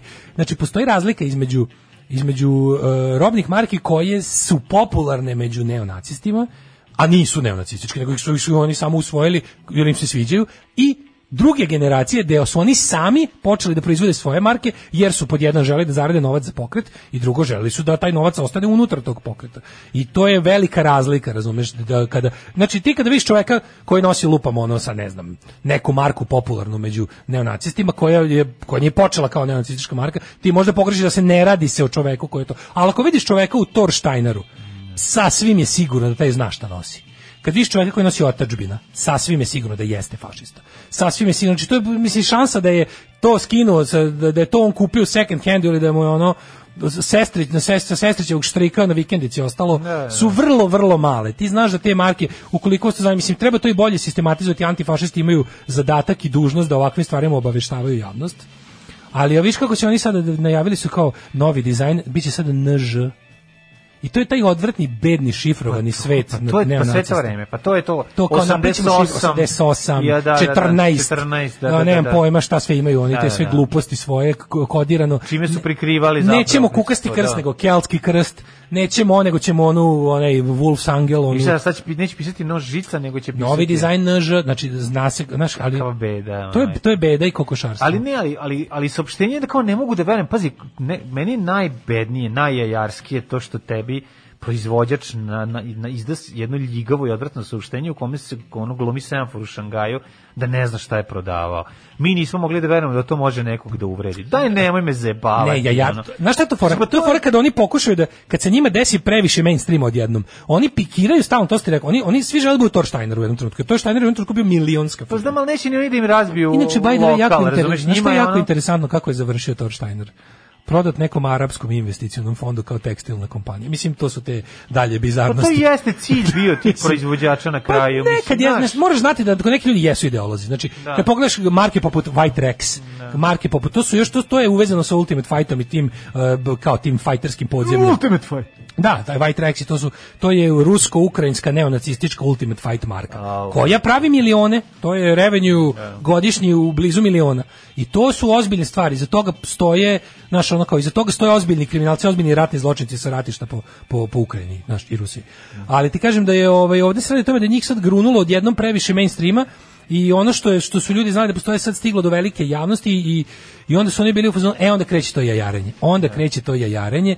I recimo ja da sam iskreni srpski neofašista i na to sve kao ja bi sad skroz okrenuo leđa ovim kukavicama. Da. Mislim, to bi kao dobar deo publike bi izvinite, mi smo teli mi smo teli da dajemo novac kompaniji koja će otvoreno da zastupa naše stavove, koji eto možda nisu još baš najpopularniji skroz u društvu, ali bože moj, za to se borimo, da ih polako poguramo kao prihvatljive, u nadi da ćemo ponovo gurati ljude u žicu i klati ih nožem. Da. Znaš, a vi nam tu sad, a vi sad kenjate kako mi ne znam šta. Pa ne, sad zamišljam ovaj čoveka koji je radio u Milan Vidogu u fotogu, proizvodio žicu i kupio nož žica jer mu ovaj Ne, i ne može tu da veruje šta mu se desilo. a, Pa zar je iz moguće konteksta- da ovaj- iz kog konteksta? Iz kog konteksta? Ako da. majica, ako Da. majica nije reklamna, Da, ima to majicu kao preduzeće koje vi ne razumete to je izvučeno iz konteksta. Ne, ako Šta to je nije bila iz reklamna majica za, za, za ne znam to što kažeš Da. fi- za gvožđeru, gvožđeru iz da, da, da, Futoga iz koja prodaje da. noževe žice, sa telefonom nazad i ne znam, da, onda da. stvarno, znaš, i tako, znaš, Beda. jednostavno, uh,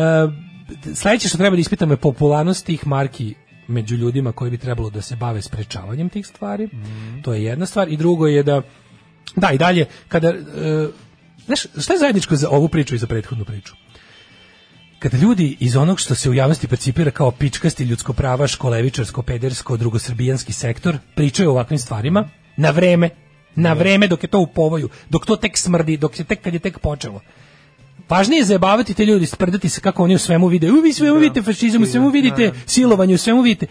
Ne, nego uvek mora se pustiti da metastazira, da, da, da se zagno i da eksplodira. E, onda ćemo sve da rešavamo. Tako da bi možda bilo pametnije, ako hoćete je bar društvo izvuče bar neku pogodu, da možda kod ljudi koji o tome nešto znaju i koji su odlučili da se time bave malo više nego drugi ljudi, da ih povremeno poslušate. Jer ono kao, nije, ne rade baš svi na svetu nešto zbog para. I nije baš u tome, nije u antifašizmu ovaj ogroman posao. Verujte da ljudi koji se bave time uglavnom žrtvuju svoju dobrobit, izlažu se neverovatnim rizicima, žive u velikim, ono kako bih rekao, mukama, jer ti ljudi s kojima, kojima, s koji su se zamerili su jako opasni, tako da bi još bilo, bilo bi bar lepo da to, Da im ne da to što da im ne odmažete Da, i da da. ih ponekad poslušate, bit će i vama dobro.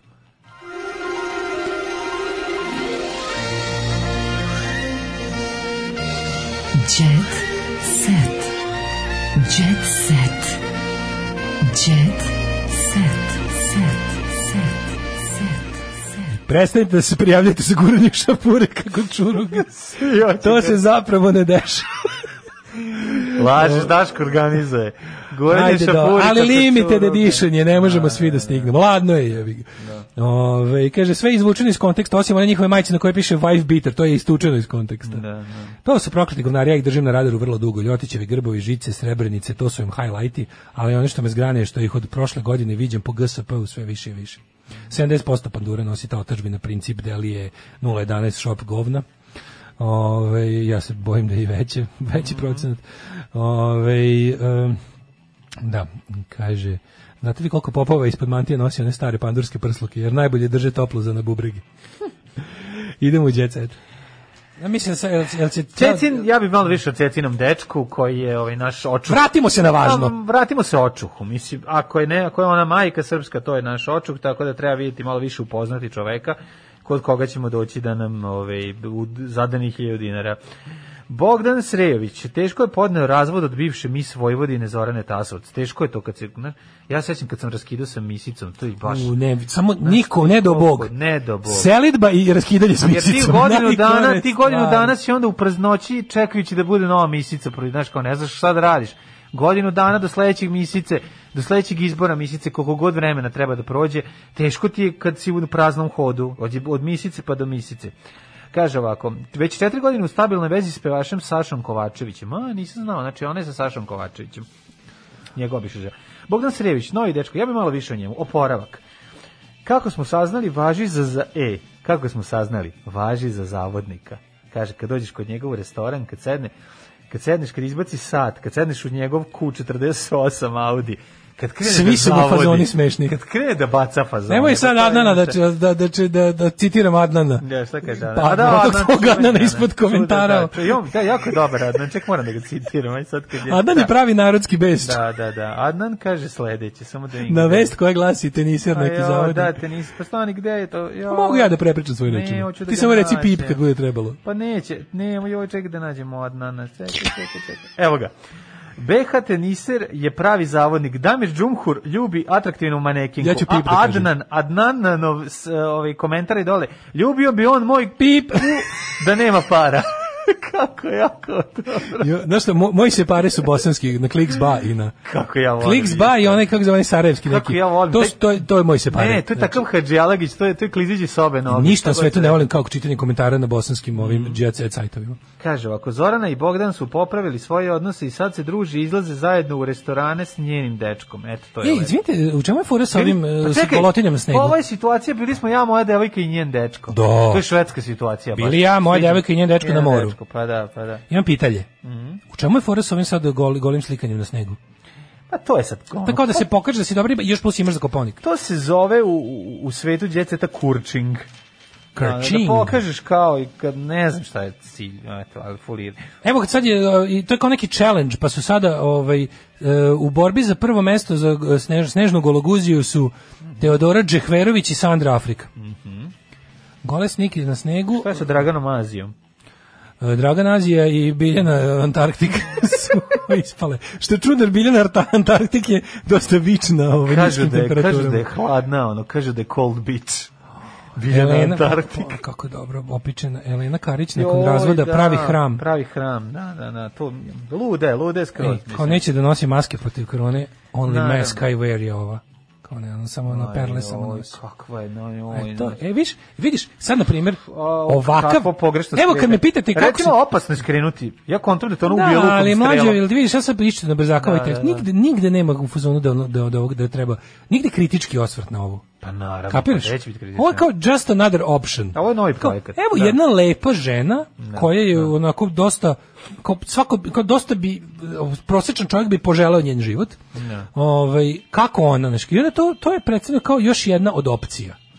Mislim, u redu to jeste još jedna od Mm. Pa opcija. od ne treba niko, da- ali, ali pošto kao, što ljudima sto puta ponavljam, kao, sloboda govora je da te država ne proganja za ono što si rekao. Mm. Sloboda govora nije da ne dobiš kritiku ili da ti uskrate da pričaš. Znači, sloboda govora je nije da imaš Twitter nalog. Twitter može ti ga uzme kad god hoće. Sloboda govora nije da imaš pravo na pojavljivanje u medijima sa svojim stavima. To tek treba da osjećaš, to nije tvoje Bogom dano živ, živ, ono rođenjem garantovano pravo. Sloboda govora je jedino da te država ne proganja zbog onog što si rekao. Tačka.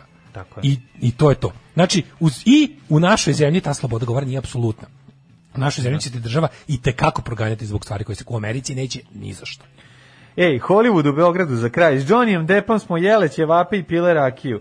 Pevačice grupe Hurricane su u emisiji Rikal se Hurricane sceniranje na kurir televiziji govorile o svojom ljubavnom statusu, nastupu na Euroviziji, ali i E, druženju s glumcem. Mlađe, jebi ga, ne mogu. Ni, ti prodaješ ovaj tvoj stan, Da, ali da. ne, Luka i Sofija traže izolovanu kuću s dvorištem. E, nemam, nemam. Ništa još. toga? Čekaj da prodam svoj stan da kupim izolovanu kuću s dvorištem pa ću da im prodam. Može? E, Da bravo. napravimo tu verziju. Može? Bravo. Ja mislim Hvala ja imam još samo da kažem da Aleksandar Prijović uči da skija i to je to. Odmorite malo. Aj, Bio žestok ponedeljak. Đavo. Čujemo se. Tekst čitali Mladin Urdarević i Daško Milinović. Ton majstor Richard Merc. Realizacija Slavko Tatić. Urednik programa za mlade Donka Špiček. Alarms svakog radnog jutra od 7 do 10.